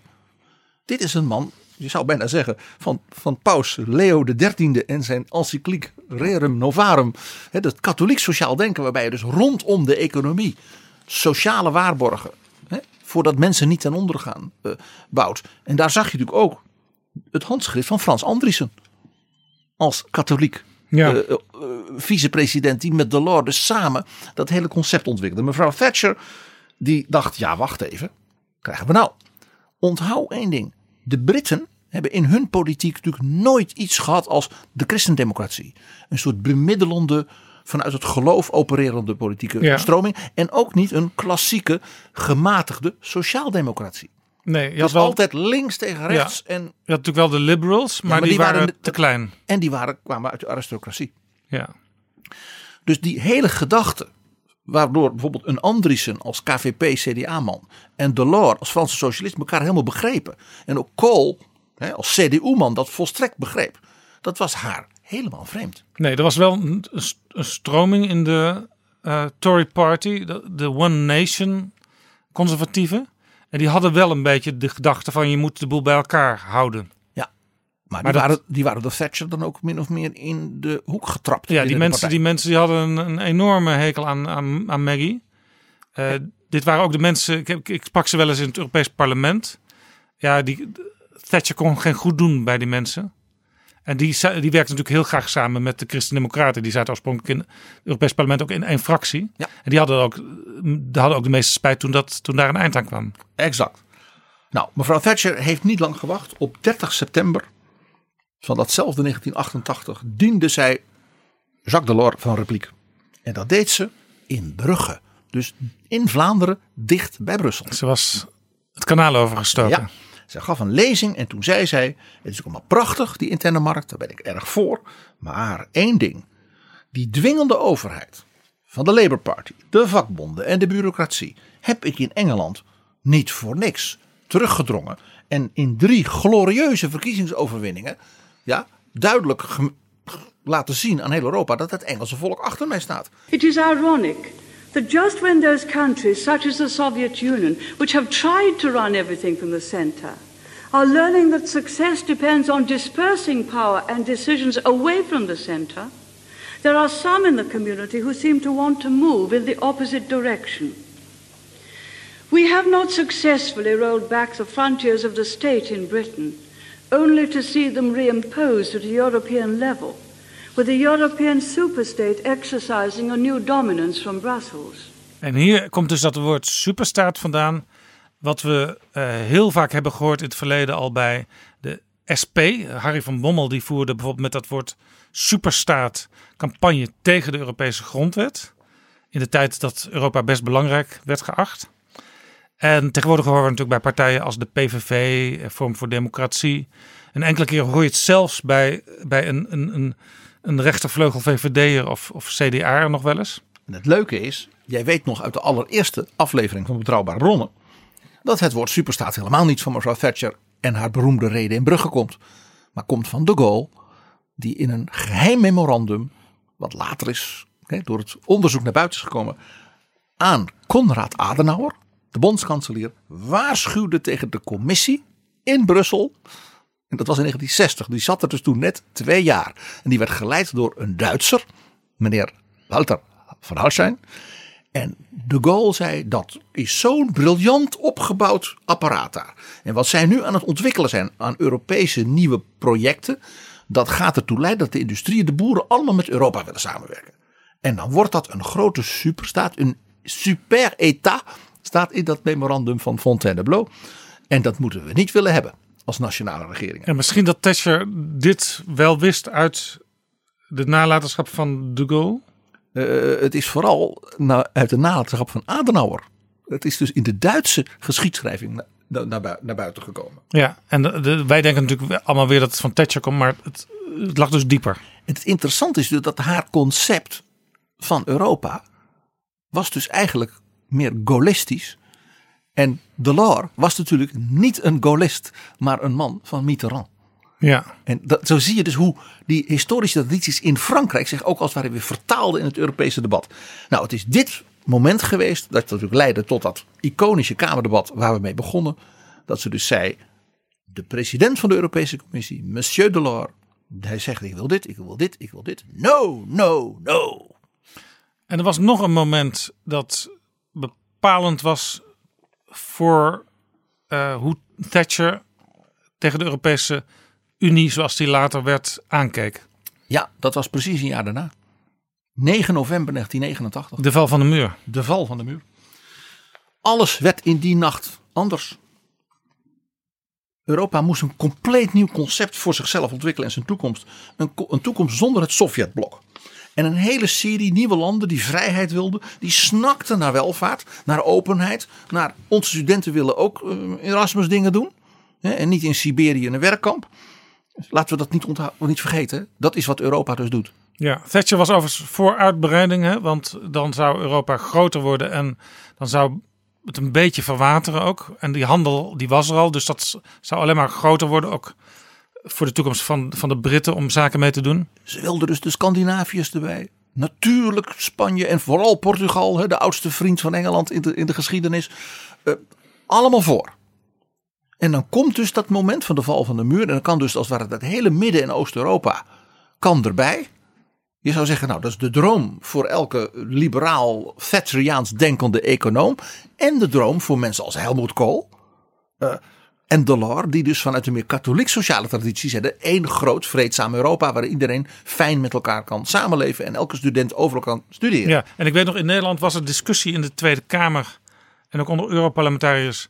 Uh, moeten wij nu zo snel uitbreiden? Daar zat een logica in, in die uitbreiding, omdat je uh, ja, de fout van de geschiedenis, zeg maar, goed wil maken. De verdeling van Europa na de Tweede Wereldoorlog uh, was een schandvlek. Daar moesten we nu, konden we nu definitief van af. En die landen, eh, Hongarije, Bulgarije, noem ze allemaal maar op, die wilden ook, Polen niet te vergeten, ja. wilden ook heel graag toetreden tot, tot Europa. Um, of moet, moet je toch eerst, was de vraag, Europa zelf verdiepen, dus uh, overzichtelijker maken. En ze bij de achterdeur laten wachten tot ze met, met de pet in de hand misschien ja, ook mee De regels helder maken, uh, veel minder bureaucratisch, et cetera, et cetera. En later is ook wel eens gezegd, toen de uitbreiding al had plaatsgevonden, hadden we eerst maar die, voor die verdieping gezorgd. Want dan hadden we nu al dat gezeur niet gehad over die moloch Europa. Ja, prachtig idee, volkomen theoretisch. Uh, want wat was er dan gebeurd als je tegen Polen had gezegd, nou voorlopig moeten jullie maar even wachten. Wij willen eerst onze eigen welvaart regelen. Dan was daar misschien wel een staatsgreep geweest van een generaal. En dat is wat iedereen die zo redeneert vergeet, is toen de muur viel, niemand zeker wist of Gorbachev een week later nog zou leven. Of dat de Stasi in de DDR niet de macht zou proberen te grijpen. Of de, de, de Poolse generaals die het al een keer hadden gedaan. Of Ja, wat de KGB ja. in, in Bulgarije zou Ja, doen. toch, maar dat is een, een aparte aflevering waard. We zien nu natuurlijk in landen als Hongarije en Polen politieke ontwikkelingen. Die weliswaar geen terugkeer van het communisme zijn, maar wel eh, terugkeer van autocratisch bewind. En dat is dan wel binnen de grenzen van de Europese Unie. En als we dat dus niet hadden gehad, dan hadden we dus ook dingen als de artikel 7 procedure en dus die landen onder druk zetten. En zelfs een Orbán binnen de Europese Christen-Democraten onder druk zetten. Niet gehad. Ja, de artikel instrumenten 7 niet procedure die nu loopt tegen eh, Hongarije. Die zelfs juridisch op een gegeven moment eh, kan worden afgedwongen. Hè, dat, dat Hongarije zich houdt aan bijvoorbeeld eh, mensenrechtenverdragen. Eh, op een bepaalde manier omgaat met de rechterlijke macht. Dat speelt allemaal en dat komt allemaal binnenkort tot een climax. En dan gaan we zien hoe Europa, hoe krachtig Europa werkelijk is. Ja. Maar je kunt eh, Jacques Delors in 1988 de Orbán niet verwijten, zeg ik maar. Wat, wat wel natuurlijk interessant was, was dat er op het moment dat die muur valt, lag dat concept er voor een nieuw toekomstig Europa. Het enige wat, wat dus nog moest gebeuren, was dat het concept werd aangepast aan die enorme plotselinge extra van landen waarvan je helemaal niet had kunnen dromen dat ze die vrijheid en die kansen zouden krijgen. Ja. Dus het idee van Thatcher van de uitbreiding van Europa met in die ene interne markt en het visionaire concept van Delors van die invulling van de gemeenschap kreeg ineens een enorme boost. De muur was gevallen en Jacques Delors sprak in het Europees Parlement. Laten we even luisteren. La communauté a été depuis des années une sorte de centre de gravité, une référence pour la liberté, pour la prospérité, et sans doute cette référence a joué son rôle dans les événements que les peuples ont déclenchés. Si nous ne réalisions pas ce que nous avons décidé, nous serions incapables de franchir des pas au-delà de 1992.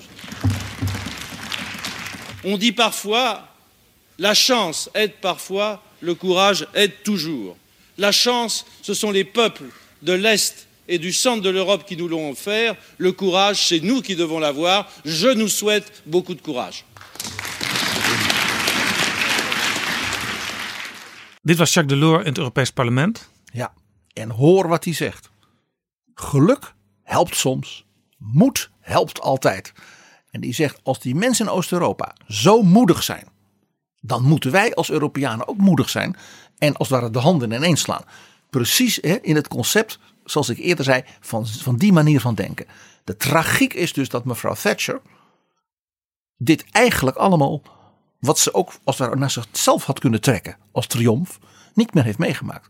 Want zij viel binnen de kortste keren door haar eigen partij en haar eigen ministers, omdat ze in een soort anti-Duitse obsessie eh, dus overal tegen en ineens was. En ook president Bush senior, we spraken daar een tijd geleden in Betrouwbare Bronnen over, haar als een baksteen liet vallen. We hebben het nu over 1988, 1989, dus inmiddels toch alweer lang geleden. Uh, Jacques Delors, die is nog onder ons, hè? Jazeker. Hij is nu bijna 94. Ik sprak hem uh, een jaar of negen geleden voor het laatst.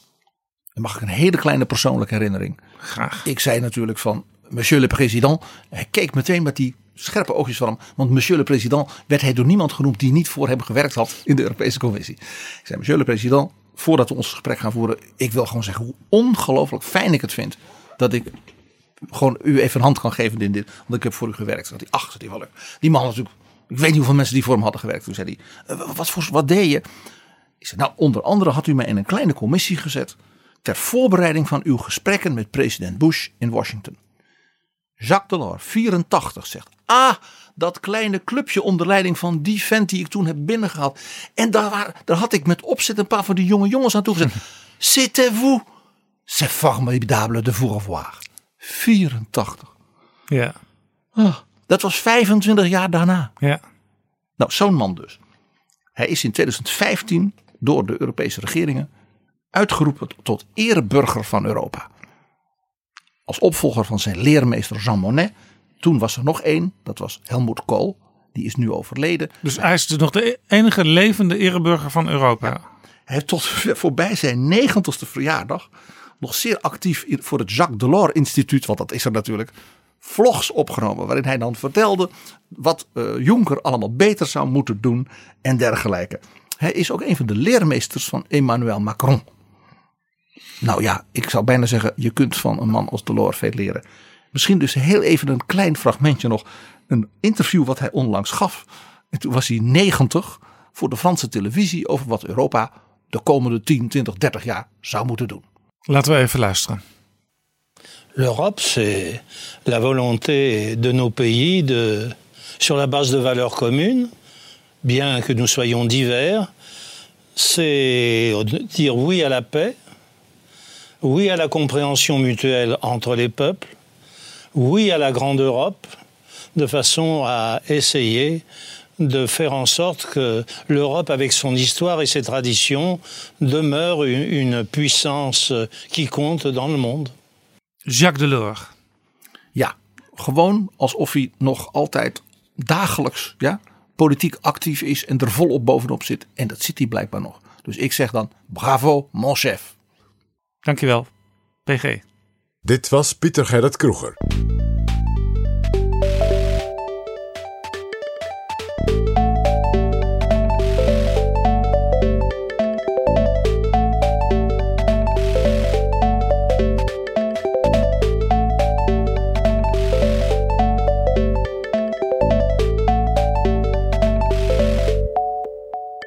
Dit is Betrouwbare Bronnen met Jaap Jansen. Ik ga praten met Rob de Wijk, schrijver van het boek De Nieuwe Wereldorde.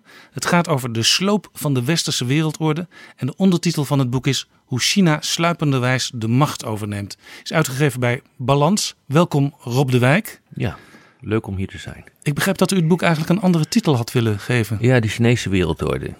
Uh, maar mijn uitgever zei van dat dekt niet helemaal de lading. En dat, daar heeft hij ook gelijk in. Omdat de sloop van die wereldorde gewoon door onszelf wordt ingezet. Ons westelingen binnen de Europese Unie, maar ook binnen de Verenigde Staten.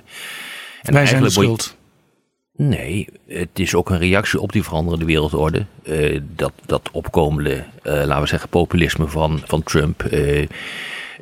dat, dat nationalisme, dat afgrendelen van je land. Eh, het soevereinisme wat we hier in, eh, in Europa hebben. Hè, van we kunnen het wel doen zonder eh, instituties.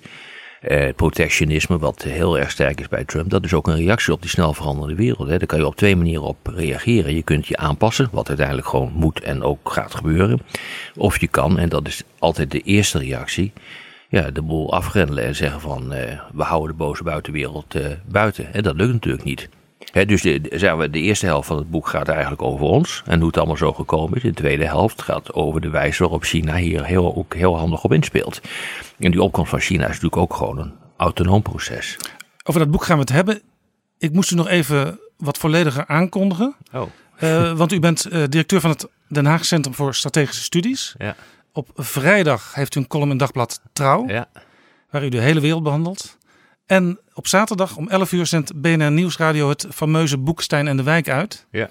Eh, wat als ik me goed herinner ooit is begonnen met het idee... die gaan elkaar lekker tegenspreken. Maar eigenlijk bent u het heel vaak met elkaar eens. We zijn het eh, heel erg vaak met elkaar eens. Maar het probleem is dat twee echte, echt mensen die eh, verstand hebben van internationale betrekkingen bij elkaar. En de meningsverschillen zijn niet zo groot. Het verschil tussen Arend, Jan en mij. En dat maakt het volgens mij ook zo leuk. En ik moet ook nog een keer zeggen, succesvol. eh, het programma plus de podcast.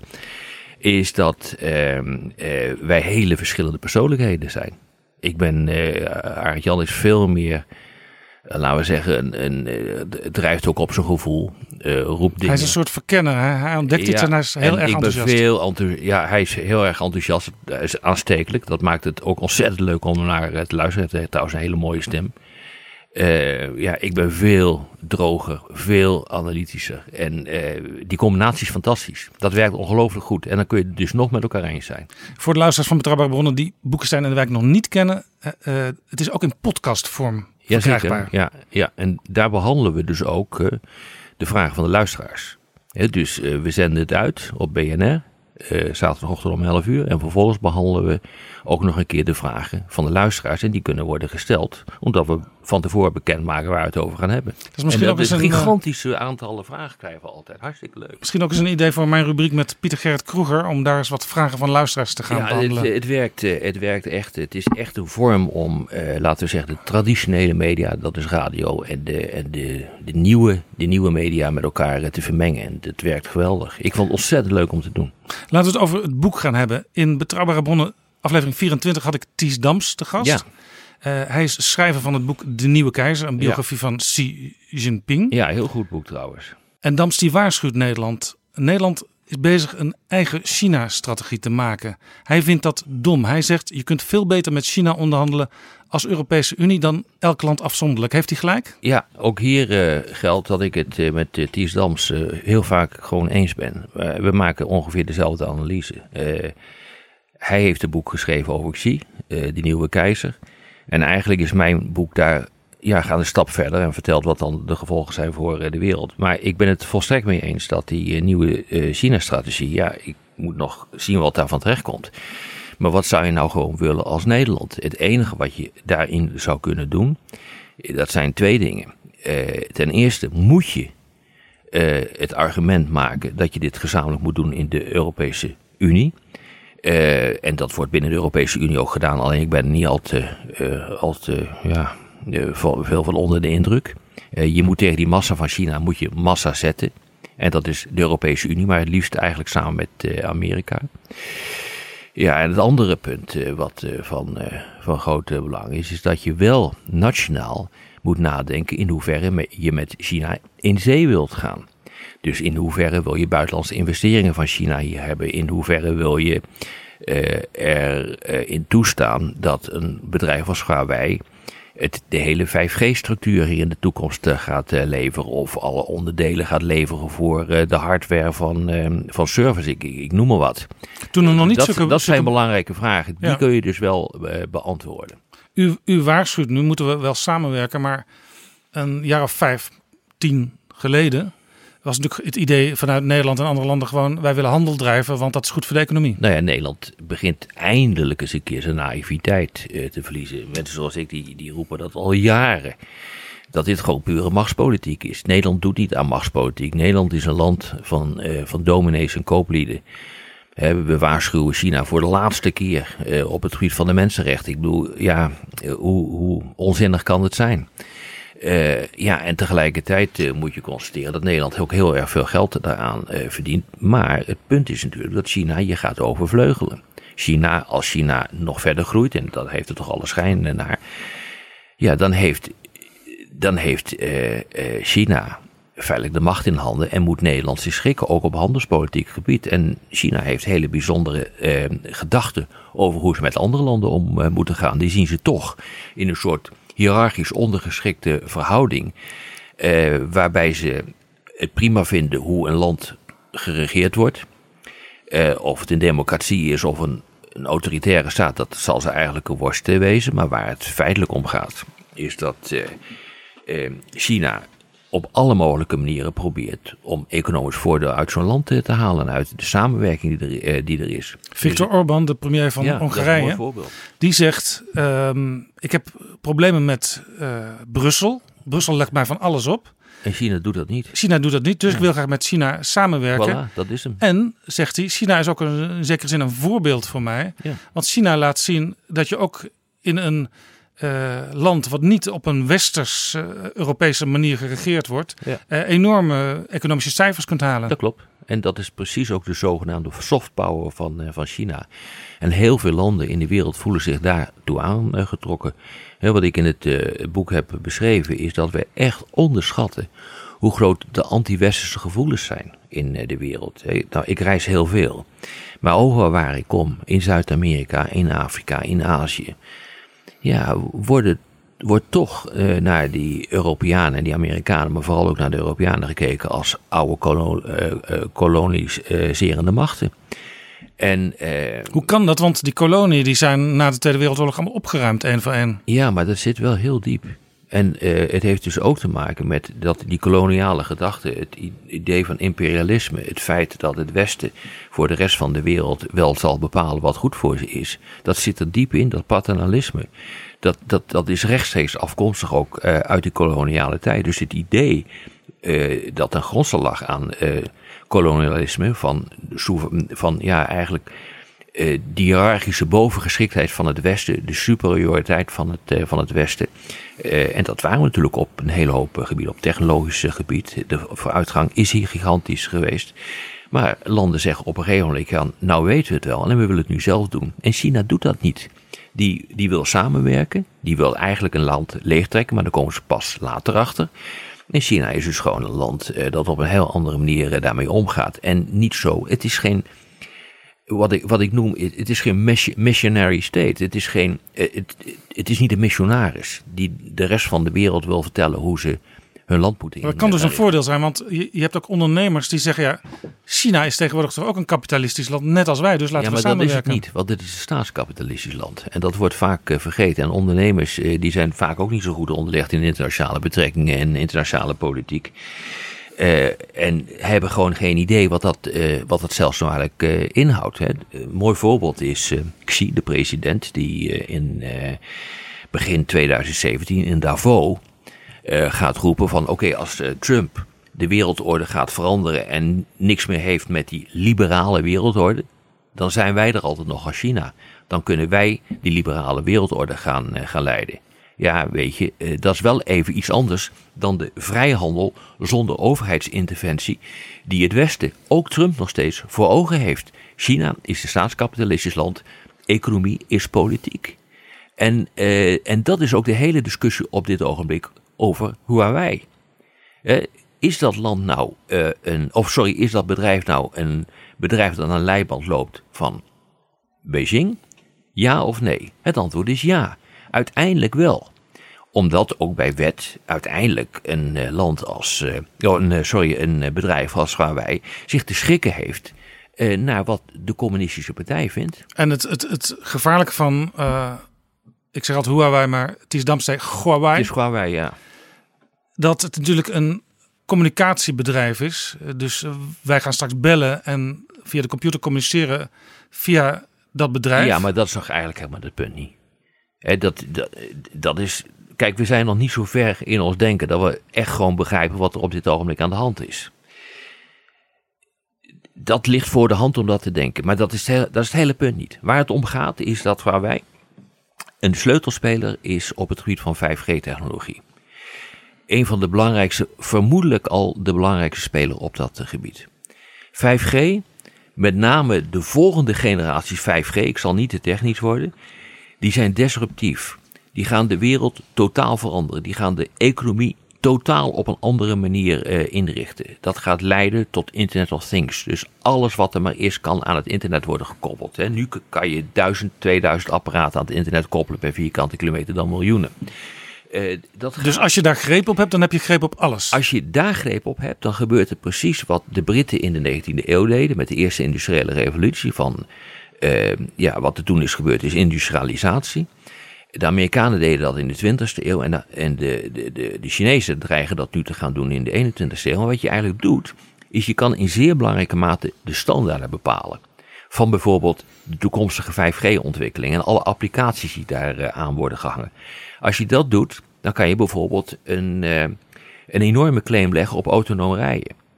Uh, waar, China, waar, China, op dit ogenblik uh, voorop loopt in, uh, in de wereld. We kijken naar Tesla, dat is natuurlijk fantastisch wat daar gebeurt. Maar China is volgens mij op een aantal gebieden nog veel verder, omdat ze nu hele steden als testgebied kunnen gaan inrichten. Nou, dat kan in Amerika helemaal niet.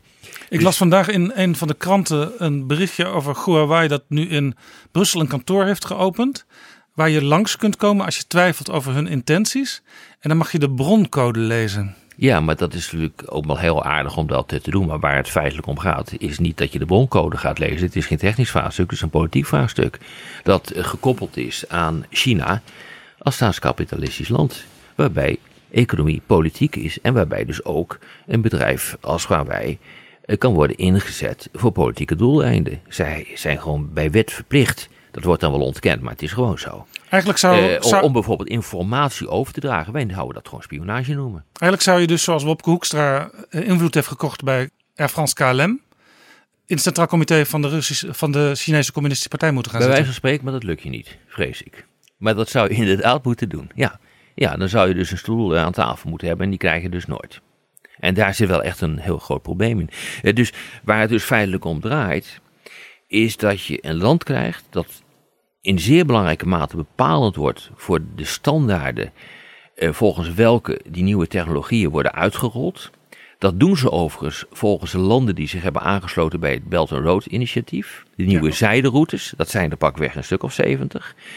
Die kun je gebruiken. Nou, het zijn niet eens meer launching customers, maar het zijn gewoon landen, eh, een belangrijk deel van de wereld, waarover je die technologie kan gaan, uh, gaan uitrollen. Ja, die nieuwe zijderoute, dat, dat, dat is soms letterlijk een route, maar vaak ook uh, ja, je cyber. ja, je hebt een maritieme route, je hebt er een over land en je hebt uh, een, even een digitale route. Dus er zijn de drie feiten. Ja, en dat is samenwerking op alle economische lagen, zeg maar, ja. tussen China en individuele landen. Want ja. dat is ook een kenmerk van China. Ze gaan liever geen contracten aan met groepen van landen, ze doen het liever één voor één. Het is net Trump. Die doet dat ook. Ja, en ja, ze houden niet van instituties. En zoals Boris Johnson dacht dat hij uh, na de brexit met alle Europese landen één voor één over handel kon gaan ja, praten. Ja, dat kan dus niet. En de Europese Unie is in die zin uniek. Je kan maar met één instantie uh, onderhandelen over handel. Dat is alleen maar met, uh, met Brussel. En maar dat is dus het gekke nu van die Nederlandse China-strategie die eraan komt.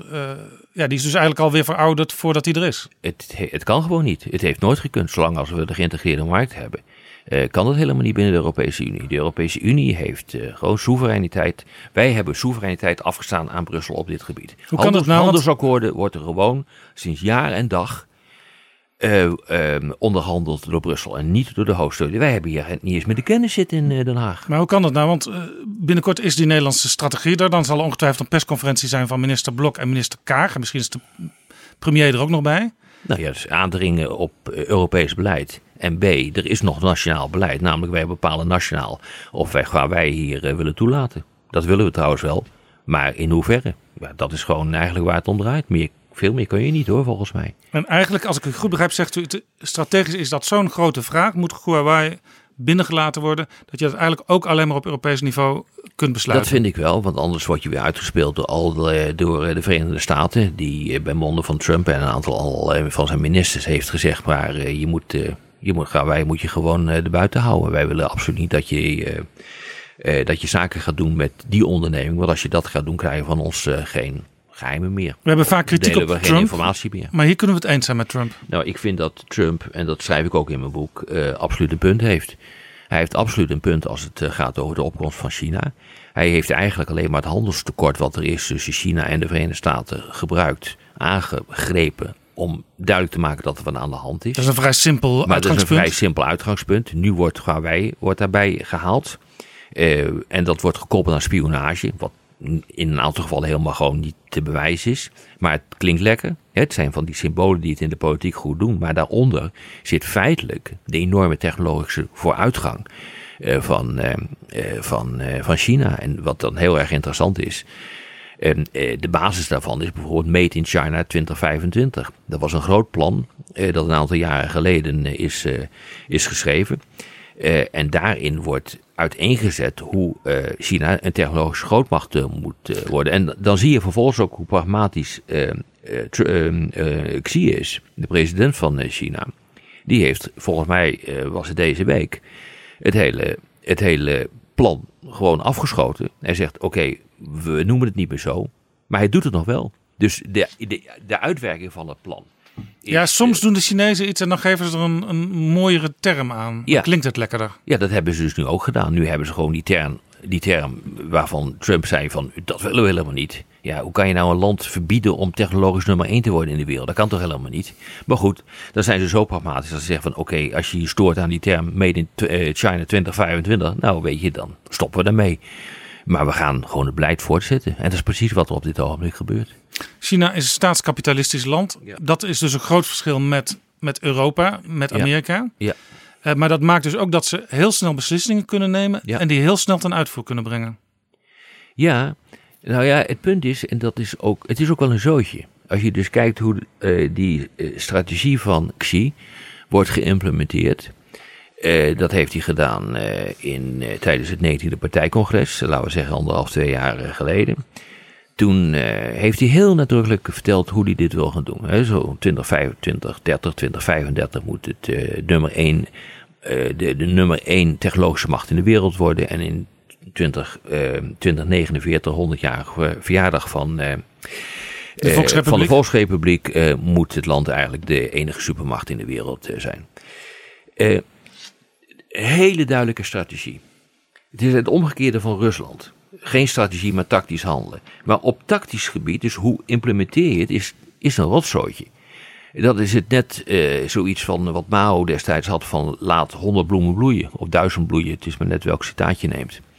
Eh, met andere woorden, er gebeurt van alles. Er zijn ook niet veel regels. Eh, er zijn geen privacyregels. Je kan doen en laten wat je wil. Eigenlijk is China gewoon één groot laboratorium. Zo gaan ze ook met, om met die Belt and Road eh, landen. Eh, ze storten zich op vliegvelden, ze storten zich op wegen. Ja, er worden soms ook steden gebouwd, of het begin van steden, waar ze later eigenlijk niks mee gaan doen. Exact, dat is typisch Chinees op dit ogenblik. Het, het is, je, je begint er gewoon aan en je kijkt gewoon wat bloeit en wat niet bloeit. Het, dat lijkt een zootje. Maar, Maar het, is ook dat- een dat- stra- het is ook een strategie. Nou ja, dat kan dus tot innovatie leiden. Maar is het eigenlijk Ja, het niet zo, innovatie. als je kijkt naar de wereldgeschiedenis, dat juist eh, landen die zichzelf vrijmaakten, waar eh, de liberale democratie kwam, dat die veel innovatie gebracht hebben? Nee, maar joh, dit is vrijheid van de bovenste plank. Hier kan je gewoon doen en laten wat je wil. Dit is pas vrijheid. Wij zitten met al die stomme regels in, eh, in eh, dit deel van de wereld. We kunnen hier niks. Als we een weggetje aanleggen, dan eh, kost het 100 jaar. Ik bedoel, overdrijven nu wat. Alles gaat hier langzaam. De Noord-Zuidlijn bijvoorbeeld, Amsterdam. Maar het is pas vrijheid. En ook voor wetenschappers, zeker techneuten, is het pas vrijheid als je, als je land één goed laboratorium is en er zijn geen, eh, er zijn geen beperkingen in juridisch opzicht. Dus eigenlijk, je, je kan bent- doen en laten wat je Ja, wil. je bent En- ingenieur in China, je je krijgt de opdracht, vind iets geweldigs uit. Ja, en dat is toch fantastisch? Dat is toch werkelijk fantastisch als je dat kan. En het wordt ook nog een keer geïmplementeerd. Als je ziet wat de, eh, wat de Chinese regering aan miljarden stopt in kunstmatige intelligentie, die essentieel is wanneer je 5G gaat uitrollen en, dat, en gaat komen tot eh, Internet of Things en dat autonome rijden en al die nieuwe toepassingen. Ja, weet je, daar worden vorderingen gemaakt op dat gebied. Die zijn heel erg indrukwekkend. En dat heeft onder andere hiermee te maken. En hoe verder van eh, Beijing je afzit, hoe minder last je van, van de Chinese leiders hebt. Dus je kunt, het, het leidt ook gewoon tot dupliceringen en tot het tegen elkaar, eh, tegen elkaar inwerken. Maar uiteindelijk is het wel gezamenlijk een, een, een enorme innovatieve kracht. Ja, wij kunnen in Nederland Wij bijvoorbeeld. regelen. Ja, in Nederland hebben we ook het Centraal. Centraal Planbureau. Dat klinkt heel Chinees, maar het is iets heel anders. Ja, die hebben ze echt Eh, niet hoor daar. En die kunnen op basis van de ervaringen kunnen die ongeveer uitrekenen dat volgend jaar in Nederland de economische groei zal zijn. In China kun je dat dus niet. Nou, er is bijna geen land trouwens in de wereld dat zo'n sociaal planbureau heeft. En, eh, en, en, en, en, en een bureau van statistiek hebben ze nog wel. Maar eh, dit is volgens mij ook het enige land in de wereld dat zijn verkiezingsprogramma's laat doorrekenen. Dat is ongehoord. Dat, eh, dat, dat doen ze nergens in de Nee, in wereld. China laten ze een verkiezingsprogramma niet Daar doorrekenen. hebben ze ook geen verkiezingsprogramma volgens mij. Daar doe je gewoon eh, wat je wil. En Xi heeft zich nu benoemd eh, tot leider voor het leven. En zijn wil is wet. En staat nu ook in de constitutie van, eh, van de communistische partij. Dus ja, weet je. Ik las een bericht uit Beijing, een, een reportage in Dagblad Trouw. Dat autohandelaren zien dat er de laatste tijd minder auto's verkocht worden in Beijing. Ja, nou ja, kijk eens, in het begin van mijn boek schrijf ik ook, zoals het nu gaat, is het absoluut zo dat China gewoon die wereldorde gaat bepalen. En de kans dat ze dat redden is ook vrij groot in mijn optiek. Dus laat je niet verblinden door dingen die allemaal fout gaan in China, want dat hoort gewoon bij het proces. Eh, maar auto, wil- autohandel is vaak, in ieder geval bij ons in het Westen, een, te- een soort voorteken van het gaat minder goed met de economie. Ja, dat is absoluut waar. Maar realiseer dat in 2015, 2016 de beurs totaal is ingeklapt. Eh, dat de elektriciteit eh, ehm, afname met tientallen procent op een gegeven moment, 10, 15 procent begonnen af te nemen. Dat de importen van grondstoffen, eh, die begonnen af eh, te vlakken. Eh, ja, nee, dat het slechter economisch gaat is een ding dat zeker. Alleen als ik nu naar de voorspellingen kijk, dan zit ik nog steeds boven de 6 procent. Dus daar kan je nog steeds wel wat mee hoor.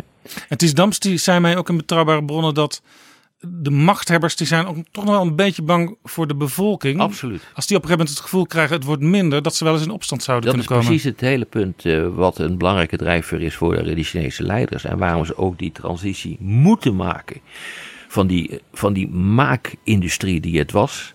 Naar een, een, een technologisch zeer vooruitstrevende, hoogwaardige eh, economie die ook een hele grote dienstensector heeft.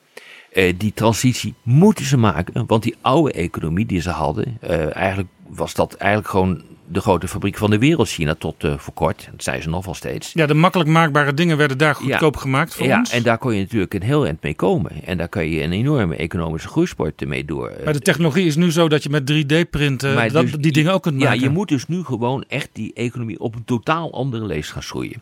En de Chinezen hebben bedacht dat die hele combinatie met 5G, Internet of Things, eh, kunstmatige intelligentie, dat dat de kern van de zaak is. En dat ze daar volledig op moeten inzetten.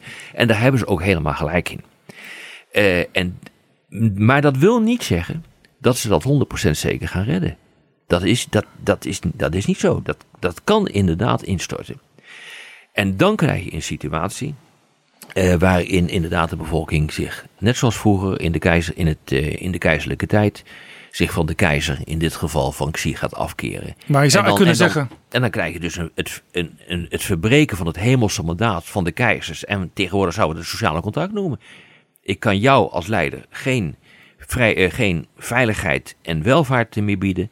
Ja, dan zeg je, dan eh, ben je voor mij eh, uitgerangeerd. Bekijk het maar, wegwezen. Ik wil een nieuwe leider hebben. Nou, daar zijn ze ontzettend bang voor.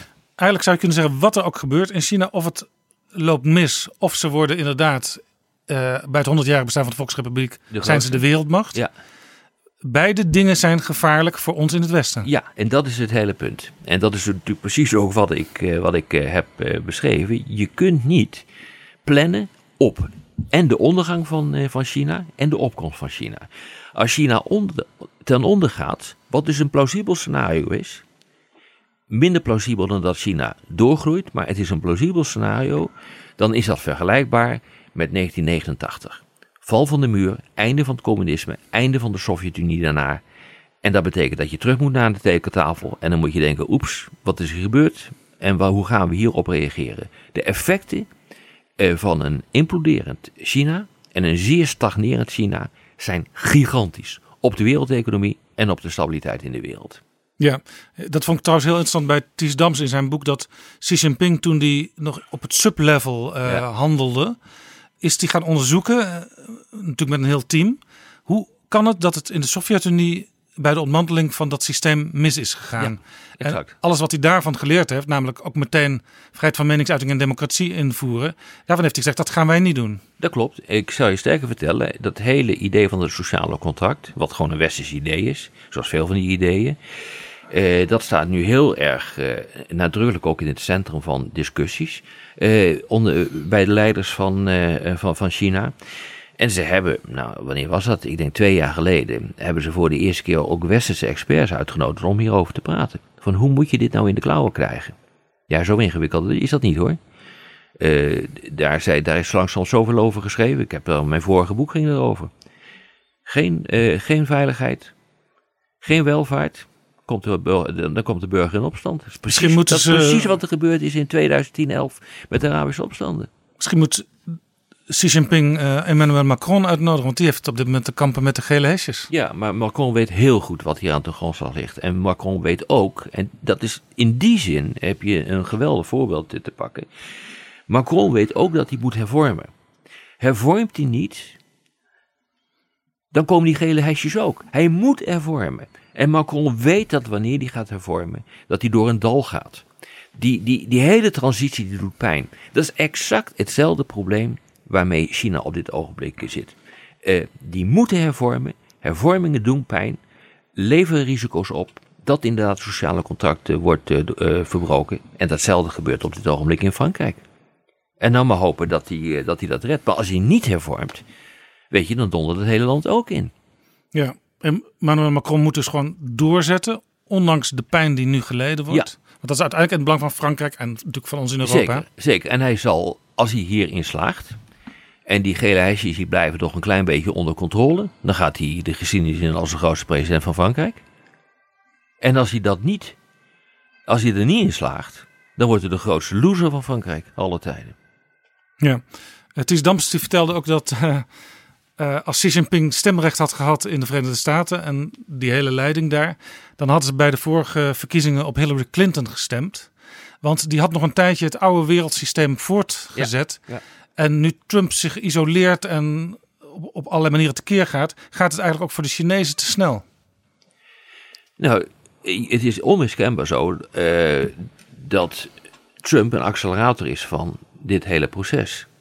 Dus aan de ene kant eh, is eh, Trump eh, de aanval begonnen op, op China. En daar zit op zich een, redelijke analyse achter.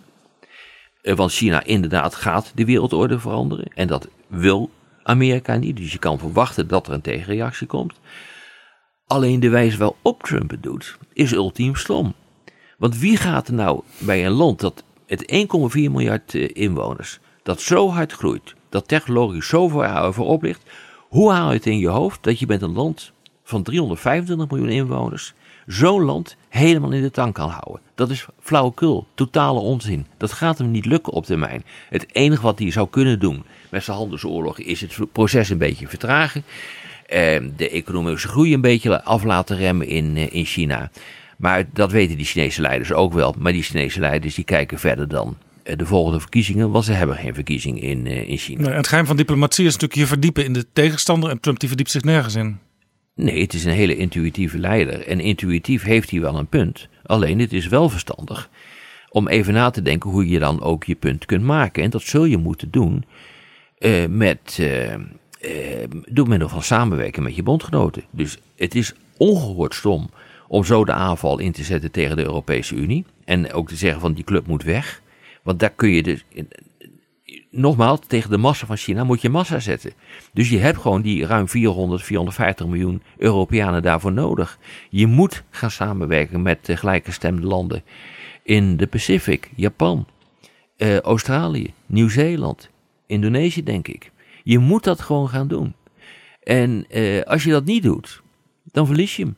Ik bedoel, er zijn ook boeken over geschreven. Kennedy, Paul Kennedy, eh, die heeft het begrip overstretch eh, eh, geïntroduceerd in een boek, jaren tachtig volgens mij hoor, van de vorige eeuw. Al heel lang geleden.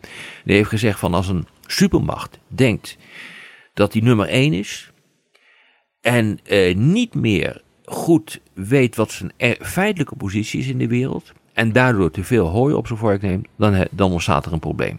Ja, ik denk dat, dat Trump een typisch geval hiervan overstretch kan opleveren. Speelt natuurlijk al wat langer in Amerika, want bijvoorbeeld de inval in Irak liet ook zien dat er diplomatiek en militair sprake was van overstretch. Zeker, dat maar, ook niet. zeker dat is absoluut waar. En eh, het, het is geen wonder dat Trump de niet-Obama is, om het maar zo te zeggen. Obama realiseerde zich heel goed, ik beschrijf dat ook ergens in het boek, eh, dat ik in Amerika eh, zat en ik zat in het Red Team van een, een stuk voor de president. Eh, dat geschreven wordt aan het begin van zijn eh, regeerperiode, van zijn ambtsperiode. En daarin wordt de toestand in de wereld beschreven en adviezen gedaan van wat die moet doen. Eh, en dat was dus voordat Obama aantrad, een maand daarvoor. Maar dit was voor Obama. Voor de nieuwe president. eh, die, die Dat ligt moet- klaar dan. Dat ligt dan Ja. klaar. National Intelligence Council, de samenwerkende inlichtingendiensten. Toen, ik had ook net een boek weer eens geschreven. En eh, ik had in 2005 had ik al gezien dat, dat die machtsverhoudingen aan het veranderen waren. Dit is niet wat nu ineens in 2019 gebeurt. Het wordt alleen nu- steeds zichtbaarder. Het, is manifest geworden onder andere door Trump. Maar in 2005, eh, toen ik eh, mijn boek Supermacht Europa schreef, was dit het uitgangspunt. En toen zei ik, jongens, moeten wij niet wat over die verschuivende machtsverhoudingen zeggen? Nee, nee, dat was allemaal niet nodig. Dat was helemaal niet nodig, want eh, ja, die verschuiven niet. En Amerika is nummer één. Nou, dat was dus niet zo en het begon te verschuiven. Obama is de eerste president die dat gezien heeft. En heeft gedacht, ik moet mij aanpassen. Dat is ook de reden waarom Obama toen heeft gezegd van... oké, laten we eens kijken of we naar een soort eh, co-ouderschap kunnen gaan van de wereld. Hè, een afspraak maken met Xi Jinping. Om samen de wereld eh, in goede banen te leiden. Wat- nou, wat- heeft Xi Jinping gezegd, dat wil ik helemaal niet. Nee, maar eigenlijk is dat de enige manier in Aanpassen. deze omstandigheden. Ja, dus hij, hij, hij wist dat hij zich moest aanpassen. En dat is een, dat, uiteindelijk moet dat. Maar Trump wil zich niet aanpassen. Die wil bestendigen. En die gaat de aanval openen. Maar het zijn eigenlijk twee zijdes van dezelfde medaille. Dit is allebei eh, is het eh, gerelateerd aan die grote machtsverschuiving in de wereld, waar je op twee manieren op kan reageren. En wat ik heel raar vind bij Trump is dat hij eh, alles als een zero-sum game ziet. Dus als jij verliest, ja, dan win ik. ook trouwens hoor. Ja, ja Maar dat- mercantilisme. Maar ik heb altijd geleerd, maar misschien is dat dan typisch westers, ook Europees. Ga dingen bedenken, ga handelen, ga samenwerken, want dan maak je er in totaal meer van. Ja, dat is wel heel Nederlands trouwens. Kijk, maar Nederland is ook een land van niks. Dus eh, wij moeten dit wel doen. Eh, eh, iedereen die denkt van dit regelen we allemaal zelf wel eventjes. En we hebben het buitenland niet nodig. Die is gewoon even eh, kort door de bocht gezet. Hartstikke gek. Ja. Dat kan dus gewoon helemaal Geen hek om Nederland. Maar naarmate je dus een groter land hebt, en met name een supermacht, die hebben een veel meer instrumentele kijk op instituties, op de VN, op de NAVO, op de Europese Unie. En die kijken gewoon van, kan ik dat gebruiken voor mijn eigen eh, positie? Hoe groter een land wordt, hoe groter het denken wordt in termen van zero-sum game. Jij wint, ik verlies. Dus ik moet winnen. Eh, maar uiteindelijk, weet je, werkt dat ook niet. De- Dus in die zin heb je wel gelijk. Ook op macroniveau werkt dat niet. Want stel je voor dat, eh, en dat zie je dus nu al gebeuren met, eh, met China, dat een hele hoop landen zeggen van, maar willen die niet. Wij, eh, wij, wij, wij willen dat, eh, dat gaan wij helemaal niet met zijn gespioneer. Dan heb je wel een probleem. En daar, is, daar hebben de Chinezen toch een fout gemaakt. Ze hebben gewoon een inschattingsfout gemaakt. Hè. Normaal, ze hebben absoluut hun retoriek redelijk op orde. Het is allemaal soft. Dit is, eh, als je met Chinese leiders praat, het is allemaal win-win. Ja, en ze nodigen dus ook westerse no- nodigen mensen uit. intellectuelen uit om Ja, mee te gaan denken. Ja, zeker. Eh, dus dat is allemaal prima. Maar uiteindelijk is het toch een autocratie. En uiteindelijk is het toch een staatskapitalistisch land. En uiteindelijk wordt een bedrijf als Huawei niet beoordeeld op wat het echt doet, feitelijk. Maar in welke, eh, in welke context het opereert. Namelijk in de context van een staatskapitalistisch land waar economie en dus ook bedrijven politiek is. Dus je wordt niet, Huawei wordt niet beoordeeld zoals bijvoorbeeld Google of Apple. eh, eh, als een normaal bedrijf en als er wat mee is, dan ga je naar de rechter toe. Ja, je kan in Nederland ook wel aan de rechter gaan over Huawei. Maar uiteindelijk Ja, of, er- of er zijn machten, Maar, bijvoorbeeld Brussel, die zeggen tegen Google, Facebook... eh, jullie worden Exact. te machtig, jullie doen te veel dingen tegelijk, ga Dat kan niet. Dat kan niet met Chinese bedrijven. Dat kan niet. Want dan heb je gewoon geen grip op. Dan, eh, dan bij wijze van spreken, steekt eh Xi zijn middelvinger op. Ja. Kijk, maar dat gaan is we wel dus niet doen. vaak ook helemaal niet duidelijk wat is China bij elkaar. Dus als je tegen. Huawei gaat vechten, vecht je automatisch tegen de Chinese overheid. En als je tegen Google gaat vechten, vecht je niet tegen de eh, Amerikaanse overheid. Die heeft er namelijk geen fluit over te zeggen. Maar eigenlijk zouden de Chinezen dus als ze verstandig zijn, zich nog meer moeten verdiepen in de westerse waarden, omdat je dus ook wel soms wel eens even vast kunt lopen. Ja, of je moet zeggen van ik schrijf het Westen af. En ik ga mij alleen concentreren voorlopig op mijn eigen interne markt. Want realiseer je, 1,4 miljard inwoners, daar kun je wel wat mee hoor. Als je begint om die hele 5G uit te rollen over je eigen land. En vervolgens ook de opvolger van 5G, 5, 5G NR, ook nog eens een keer uh, gaat uh, uitrollen over je eigen land. Nee, wel 20% van de wereld de bevolking te pakken. Als je dan vervolgens ook nog eens een keer het gaat uitrollen over de Belt- en Roodlanden, wat er een stuk of 70 zijn. Nou ja, weet je, dan kun je zelf zeggen van ik negeer het Westen. Maar die Belt and Road landen die liggen ook bij ons op de hoek. Ik zag zelfs dat in uh, Duitse stad Duisburg, daar komt al een trein aan uit China. Ik zou je sterker vertellen, die komt hier in Nederland aan. Het is, die, die komt aan in Tilburg. Of was het nou Tilburg of Eindhoven? Wil ik even van afwezen. Ik haal die twee altijd door elkaar. Uh, nee, die komt uh, sinds jaar en dag eigenlijk al ook hier aan. Een aantal jaar geleden kwam die kwam die vol aan en ging die leeg terug. En tegenwoordig gaat hij ook vol terug. Met, uh, met goederen uit Nederland. Dus op die manier en uit, uit andere landen. Dus in die zin uh, is er wel wat veranderd. Maar nee, die komt ook in Nederland aan. En, en Hongarije hadden het straks over, die, die willen heel intensief samenwerken. Ja. ja wat, dacht je van, wat, wat dacht je van landen als Servië? Wat dacht je van Montenegro? Dat Allemaal kandidaat lidstaten van de Europese Unie? Montenegro is NAVO-lid. Uh, daar wordt nu een weg aangelegd die ze never nooit niet kunnen terugbetalen. Dat is interessant. Ja. Realiseer je Dan zit China dus met de klauwen in een NAVO-land. Ja, en waar ze dus eisen aan kunnen stellen omdat ze uh, de schulden niet kunnen terugbetalen. Uh, uh, een land als Sierra Leone, die zat ook in die situatie. En die heeft gezegd van wij gaan dus gewoon niet verder meer in zee met China met betrekking tot de bouw van een vliegveld. Want wij kunnen dat niet afbetalen. En als we dat niet kunnen, dan zijn we gedwongen om het hele vliegveld in handen te geven van, uh, uh, van de Chinezen. Of misschien wel iets anders in handen te geven van Chinezen. Die voor militaire doeleinden kunnen worden gebruikt, bijvoorbeeld. Dat willen we niet. Ga naar Sri Lanka. Uh, daar konden ze. daar was een groot havenproject. Dat is uit de klauwen gelopen. China heeft onlangs gezegd van nou, doe mij die haven maar even. Dus je heeft voor hele goedkope termen op hele goedkope termen hebben ze dus die, die haven gekregen voor 99-jarige lease. Moet je realiseren als dat, dat gaat gebeuren hier in Europa met NAVO-leden. Dat zou toch te gek voor woorden zijn. Nou ja, ik had in Betrouwbare Bronnen aflevering 2 Jeroen Dijsselbloem te gast. Ja. En ik had het met hem over de haven van Piraeus, die ja. ook door de Chinezen exact. gekocht is. Hij nou, was geleased, daar. Nou ja, oké. Okay. In ieder geval, zij zorgen dat die haven weer uh, ja. op stoom komt. En daar was Dijsselbloem als oud-voorzitter van de Eurogroep heel blij mee, want dat hielp de Grieken. Nou, dat helpt de Grieken ook. En daarom zou je dus zien dat dit proces gewoon doorgaat. In de eerste plaats zijn de landen eh, die zich echt aangetrokken voelen tot de soft power van, eh, van China. Die zeggen van eh, met dat Westen, dat weten we als langzamerhand wel, daar hebben we het mee gehad. Dus China, dat is het. Ze zijn heel blij dat er wordt geïnvesteerd in hun land. En daar worden weinig vragen gesteld. Dus ze zitten niet te zeuren over democratie en, uh, en individuele vrijheden. En het maakt niet uit wie er allemaal in de bak zit. Het maakt gewoon niet uit.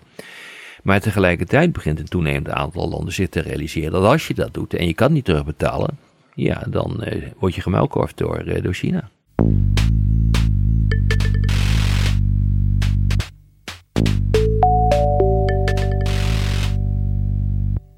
Dit is Jaap Jansen met Betrouwbare Bronnen. En ik praat met Rob de Wijk naar aanleiding van zijn boek De Nieuwe Wereldorde: Hoe China sluipenderwijs de macht overneemt, uitgegeven door Balans. In uw boek schrijft u: Het Westen kan alleen overeind blijven als het radicaal van koers verandert. Maar Ja. wat moet die koers dan zijn? Eh, die, eh, ten eerste moeten we ophouden met, eh, met dat, dat hele idee eh, dat wij het centrum van de wereld zijn en dat we er alleen af eh, kunnen en dat we inmiddels niet meer hoeven samen te werken met elkaar, waardoor we dus de Europese Unie verzwakken en de transatlantische relaties. Wil je nogmaals iets tegenover eh, China doen, dan moet je daar massa tegenover zetten. Dus dat betekent transatlantische samenwerking. Dus we moeten echt ophouden met dit, eh, met dit gezeur. Het tweede punt wat er moet gebeuren, is dat wij eh, heel erg sterk eh, moeten gaan investeren in die nieuwe technologie. En wij moeten hetzelfde doen als China. Er gewoon een enorme technologische macht van maken. Kunnen we dat nog? Nou, eh, dat is nog maar de vraag. We hebben natuurlijk wel eh, de Nokia's en de Ericssons van deze wereld. Dat zijn natuurlijk fantastische bedrijven. Die kunnen ook een hele hoop. Maar het moet ook komen van overheden. Die moeten daarin gaan investeren. Het is toch te gek voor woorden dat nog steeds een heel groot deel van het budget van eh, de Europese Unie opgaat naar landbouwgelden. Laten we daar maar mee ophouden met die flauwekul. Gooi het roer, compleet om en ga dat eh, in zeer belangrijke mate stoppen in de technologische ontwikkeling van eh, dit deel van de wereld. Bouw inderdaad 5G-netwerken. Zet als overheden je daar je schouders onder. Dus het vereist een hele nieuwe mentaliteit. Het vereist een verbouw van, van je land. En ik zie daar eerlijk gezegd nog niet echt een eh aansloten eh, voor maken. Nee, want in Europa zie je veel politici, ook van middenpartijen, die lippendienst eh, bewijzen aan de eurosceptici. Ja, en dat zien is natuurlijk het Trump. allerstomste wat je kunt Ja. doen. Je moet nu, nu komt het aan op leiderschap. Dat is natuurlijk het hele punt. Dit is een gebrek aan leiderschap. Op het moment dat je gaat vragen aan eh, de bevolking wat ze nou op dit gebied willen. A, de bevolking in algemene zin heeft deze analyse nooit gemaakt. Nee, heeft wie leest het boek idee. van Rob de Wijk niet? Eh, nou ja, een aantal wel, maar niet iedereen. Helaas. nee, nee, maar nee, even alle gekkigheid. Maar het, het kost gewoon even tijd voordat de bevolking hierachter is.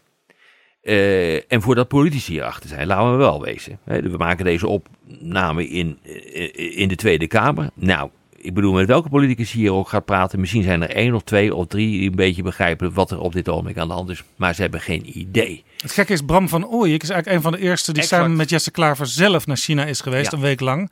En die heeft ook een analyse gemaakt. Heeft hij ook in mijn Ja, maar podcast Bram komt over ook bij verteld. Buitenlandse Zaken weg. Ik bedoel, ja, dit is een internationaal georiënteerd iemand. En eh zo langzamerhand eh, is het bijna al vies om eh, vaak in het buitenland eh, te komen. Want Nederland is toch ook goed. Maar hoor eens even, eh, de wereld is meer dan alleen Nederland. En de grote echte ontwikkelingen vinden plaats buiten Nederland. En we hebben er maar ons op aan te passen. Ja, en een van de eerste dingen die, die Bram van Ooyek ook zei van dat uh, Huawei, daar moeten we mee uitkijken. Daar moeten we eigenlijk niet Ja, mee helemaal gelijk handelen. in. Ja, nou ja, of je daar dus niet helemaal mee moet handelen, zover ben ik niet. Eh, omdat er ook een hoop onzin over wordt verkocht. Eh, ik vind bijvoorbeeld eh, de Britse houding heel erg interessant. Waarbij ook volgens mij de inlichtingendiensten hebben gezegd van... wij willen Huawei niet hebben in de, in de kern van onze systemen. En zeker niet daar waar gevoelige informatie wordt opgeslagen. Daar willen we Huawei niet hebben. En voor de rest laten we het gewoon toe. Ga je Huawei overal uitslopen, en dat is eigenlijk wat de Amerikanen willen... moet je eens kijken wat er dan gaat gebeuren. A is maar de vraag of je dat kan betalen. En B is het de vraag hoeveel vertragingen dan gaat oplopen bij de uitrollen van eh, die 5G-netwerken. En als je daar enorme vertraging bij gaat, op, eh, gaat oplopen, dan gaat het natuurlijk alleen maar de kosten van je economische groei en wordt het gat Ja. in China nog groter. Dus dat is gewoon op, op alle gebieden is dat een onzalige strategie. Ja. Ehm, Europa moet dus veel intensiever gaan samenwerken op allerlei terreinen. Ja, dat klinkt dus zullig, hè? En dan, dan iedereen zegt dat is een open deur. Maar ik ben er zo langzamerhand in mijn bestaan wel achter gekomen dat als er iets lastig is, het samenwerken is. Ja. En het samenwerken op grond van een gedeelde visie. En dan zei u ook nog, we moeten Atlantisch blijven samenwerken. Dus uh, ja, de belangrijkste Atlantische organisatie is de NAVO. Ja. En daarvan heeft Trump gezegd, die is obsolet. Ja. Later kwam hij daarop terug, maar er zijn nog steeds twijfels over wat Trump werkelijk denkt. Ja. Er zijn ook dingen uitgelekt dat hij al vele malen op het punt heeft gestaan om uh, ja, eigenlijk een einde te maken aan Zijn eigen minister Amerika van uh, in de Defensie NAVO. die zegt dat artikel 5, dus de verdedigingsclausule, de collectieve verdedigingsclausule, het hart van de NAVO, dat dat een hypothetisch is. Dus nee, dit, gaan, dit zit aan alle kanten fout. Maar bijvoorbeeld Trump wil ook uh, de Wereldhandelsorganisatie. Hij zegt hervormen, maar ik wil er vanaf. Ja, weet je, op, op deze manier ruk je het hele bouwwerk uit elkaar. En dat versnelt dus eigenlijk alleen maar de ondergang van de westerse wereld. Ja, Want realiseer China. je dat dat hele bouwwerk van internationale recht, die instituties van VN tot Veiligheidsraad. Uh, en Veiligheidsraad tot uh, uh, het Internationale Monetaire Fonds, de weer, nou, de, de, al dat soort instituties zijn westerse uitvindingen. Ja. Die ook in belangrijke Ja. mate onze belangen eh, dienen. Ga je dat allemaal slopen, dan sloop je ook de instrumenten die onze belangen dienen. Ja. En China is nu al bezig om de alternatieven voor op te, te richten. In december viert de NAVO op een top het 70-jarig bestaan. Hoera, hoera. Ja. Uh, dan zou er ook een nieuwe strategie moeten Dat gaat liggen. niet gebeuren. Die komt er niet. Uh, er is grote angst dat wanneer eh, eh, Trump daar komt, dat hij alsnog die strategie van tafel veegt. Als dat gebeurt, is het einde van de NAVO. Dan, overleeft, dan wordt de NAVO geen 71.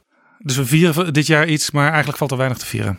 Er komt dan een, uh, een of ander communiqué met ronkende tekst, maar er moet een nieuwe NAVO-strategie komen. Want de, de wereld die we hebben beschreven, de afgelopen minuten is een wereld waar ook de NAVO zich op moet gaan aanpassen. Nou, als je dat dus niet wil, dan ja, wordt zo'n NAVO natuurlijk overbodig op een gegeven ogenblik. Ja, u noemt Trump en zeker gezien wat u net zei, begrijp ik het dat heel goed. U noemt Trump de sloper. Ja. Er is een heel hoofdstuk ook aangeweid. Ja. En u beschrijft erin dat u nou, schrok... Nou, letterlijk ook, hè, want dat doet hij. Heeft hij ook aangekondigd. Ik bedoel, hij is tegen alle instituties. Hij is tegen onderdelen van het internationale recht. Hij is uh, tegen uh, uh, samenwerking in traditionele zin met Europese bondgenoten. Dat is, hij is gewoon een sloper. Ja, en dat bleek ook uit die heel merkwaardige inaugurele reden van Ja. Trump, waarin die America First om de havenklap riep. Ja. For many decades, we've enriched foreign industry at the expense of American industry, subsidized the armies of other countries while allowing for the very sad depletion of our military. We've defended other nations' borders while refusing to defend our own.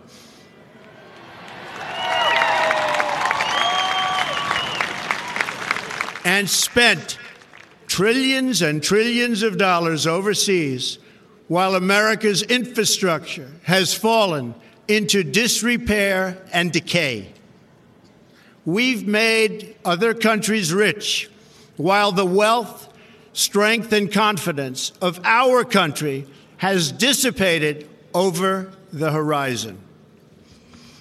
One by one, the factories shuttered and left our shores with not even a thought about the millions and millions of American workers that were left behind. The wealth of our middle class has been ripped from their homes and then redistributed all across the world. But that is the past. And now we are looking only to the future.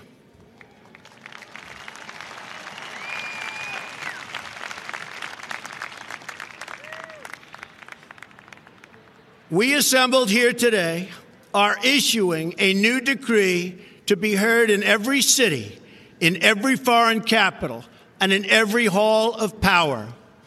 From this day forward, a new vision will govern our land. From this day forward, it's going to be only America first. America first.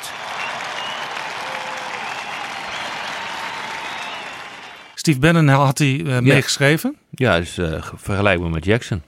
En uh, wat het 18e eeuwse president, 18e, 19e eeuwse. Ja, want Trump is niet de eerste populist, nee, zeg maar, die nee, daar... dat was er ook eentje. Die vond trouwens ook dat er sprake was van, in de woorden van uh, Trump, van een deep state. Dat de ambtenaren in Washington alleen maar baantjesjagers waren die uit waren op eigen gewin.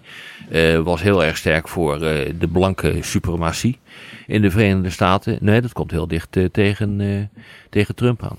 Ja, en u moest ook denken aan uh, Mein Kampf toen u die speech hoorde. Ja, omdat uh, uh, ik niet wil dat ik Trump met Hitler vergelijk, maar de methode waarvan hij zich bedient, die zijn ongeveer hetzelfde. En dan bedoel ik niet de holocaust, maar dan bedoel ik nou, wat Hitler als de grote leugen heeft, heeft uitgewerkt in, in zijn geschriften.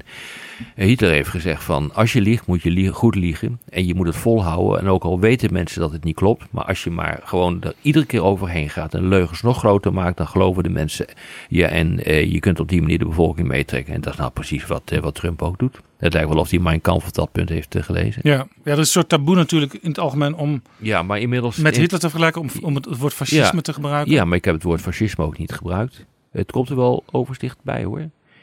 Uh, er zijn een aantal uh, uh, elementen in het, in het beleid van Trump en in de gedachtenwereld van Trump, maar dat geldt ook voor Bannon, hè, van die, die uitverkorenheid van het America First, het, het, ehm, het idee laten ontstaan dat Amerika op een ongehoorde manier onder druk staat. Zijn leven niet meer zeker is. Dat eh, iedereen, dat de gewone man eh, in zijn voortbestaan bedreigd wordt. Eh, het idee dat er een sterke leider moet zijn om dat te voorkomen. Nou, dat, is, weet je, dat zijn allemaal elementen die ook in het fascisme terechtkomen. Er is alleen één groot verschil.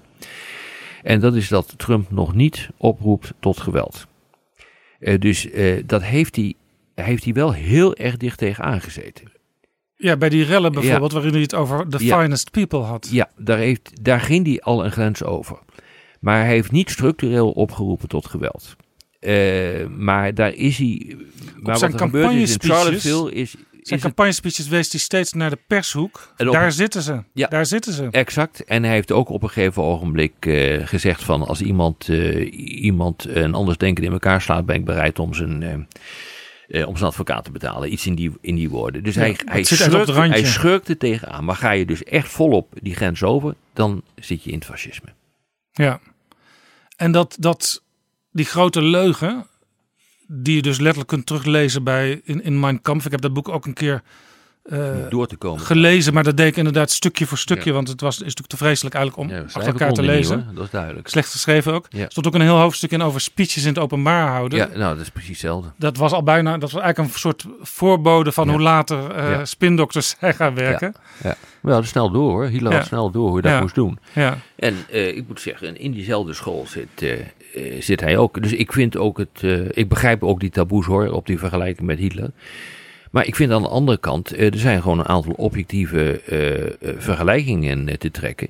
En dan hebben we het niet over de holocaust, dan hebben we het niet over de jodenvervolging, maar dan hebben we het over dit soort zaken, over de tactiek die gevolgd is eh, om de bevolking achter te krijgen. Terwijl de situatie totaal onvergelijkbaar is. Want je kunt eh, het, eh, eh, het Duitsland van na de Eerste Wereldoorlog absoluut niet vergelijken met het, met het Amerika van, niet, van nu. Dat is een totale waanzinnige vergelijking, maar die wordt inmiddels wel gemaakt, ook door Steve Bannon. Ja, en die tactiek van de grote leugen, die zou, je zou kunnen zeggen dat die ook door Poetin gebruikt wordt. Ja. Met zijn Russia Today zender.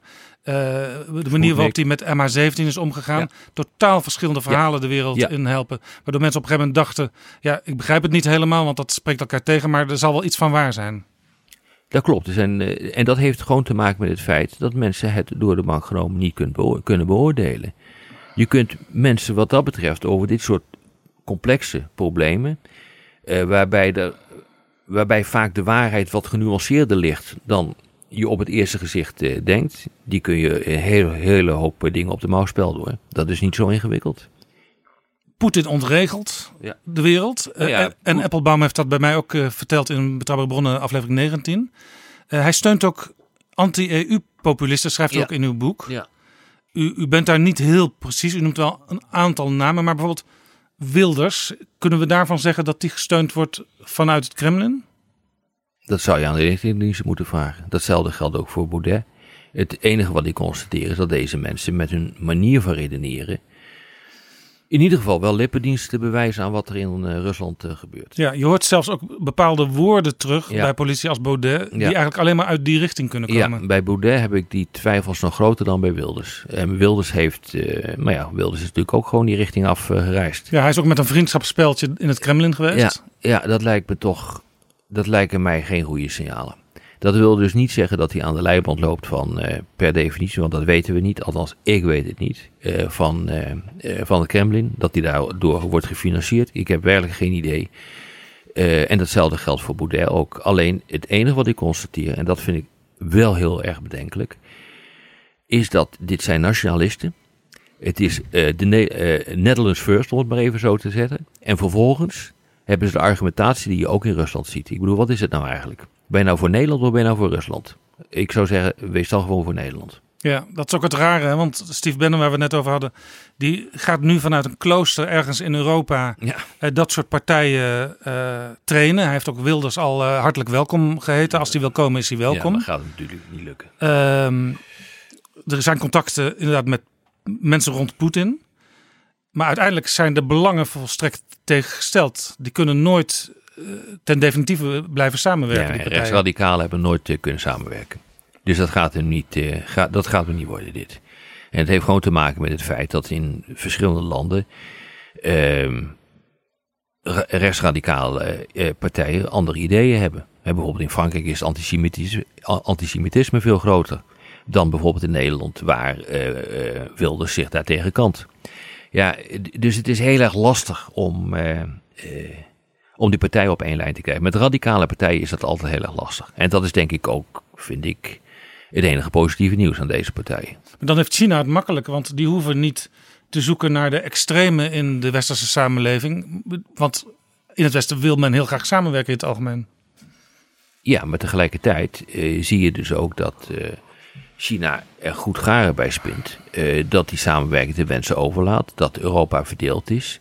Dat ze eigenlijk geen antwoord hebben op bijvoorbeeld dat 16 plus 1 overleg wat er is. Dus 16 Zuidoost-Europese landen met China. Allemaal bilateraal, maar wel eigenlijk gezellig in hetzelfde gebouw.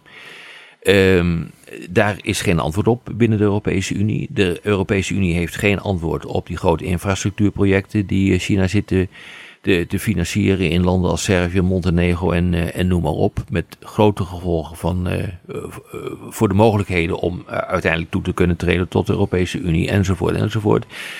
China heeft er groot belang bij dat de Europese Unie niet echt strategisch nadenkt. Er is niet echt een, een, een clip, clip en klare China-strategie. Er, uh, uh, we zitten te steggelen over de toetreding van, van landen als Albanië, maar ook over, als landen als Servië tot de Europese Unie. Terwijl als je echt een blok wil maken, dan zou je veel geopolitieker moeten gaan denken. En dan moet je die landen zoveel mogelijk erbij proberen te trekken. Zo niet, dan zet je ze eigenlijk open voor de investeringen van China. En de grote vraag is of je dat wil. Want dat betekent gewoon dat je enclaves van pro-Chinese enclaves in Europa krijgt. Dat is niet iets wat je wil. En ja, weet je, uh, we doen onszelf natuurlijk gewoon ook uh, de das om. Op deze manier. Rob de Wijk, mag ik u hartelijk danken voor dit gesprek.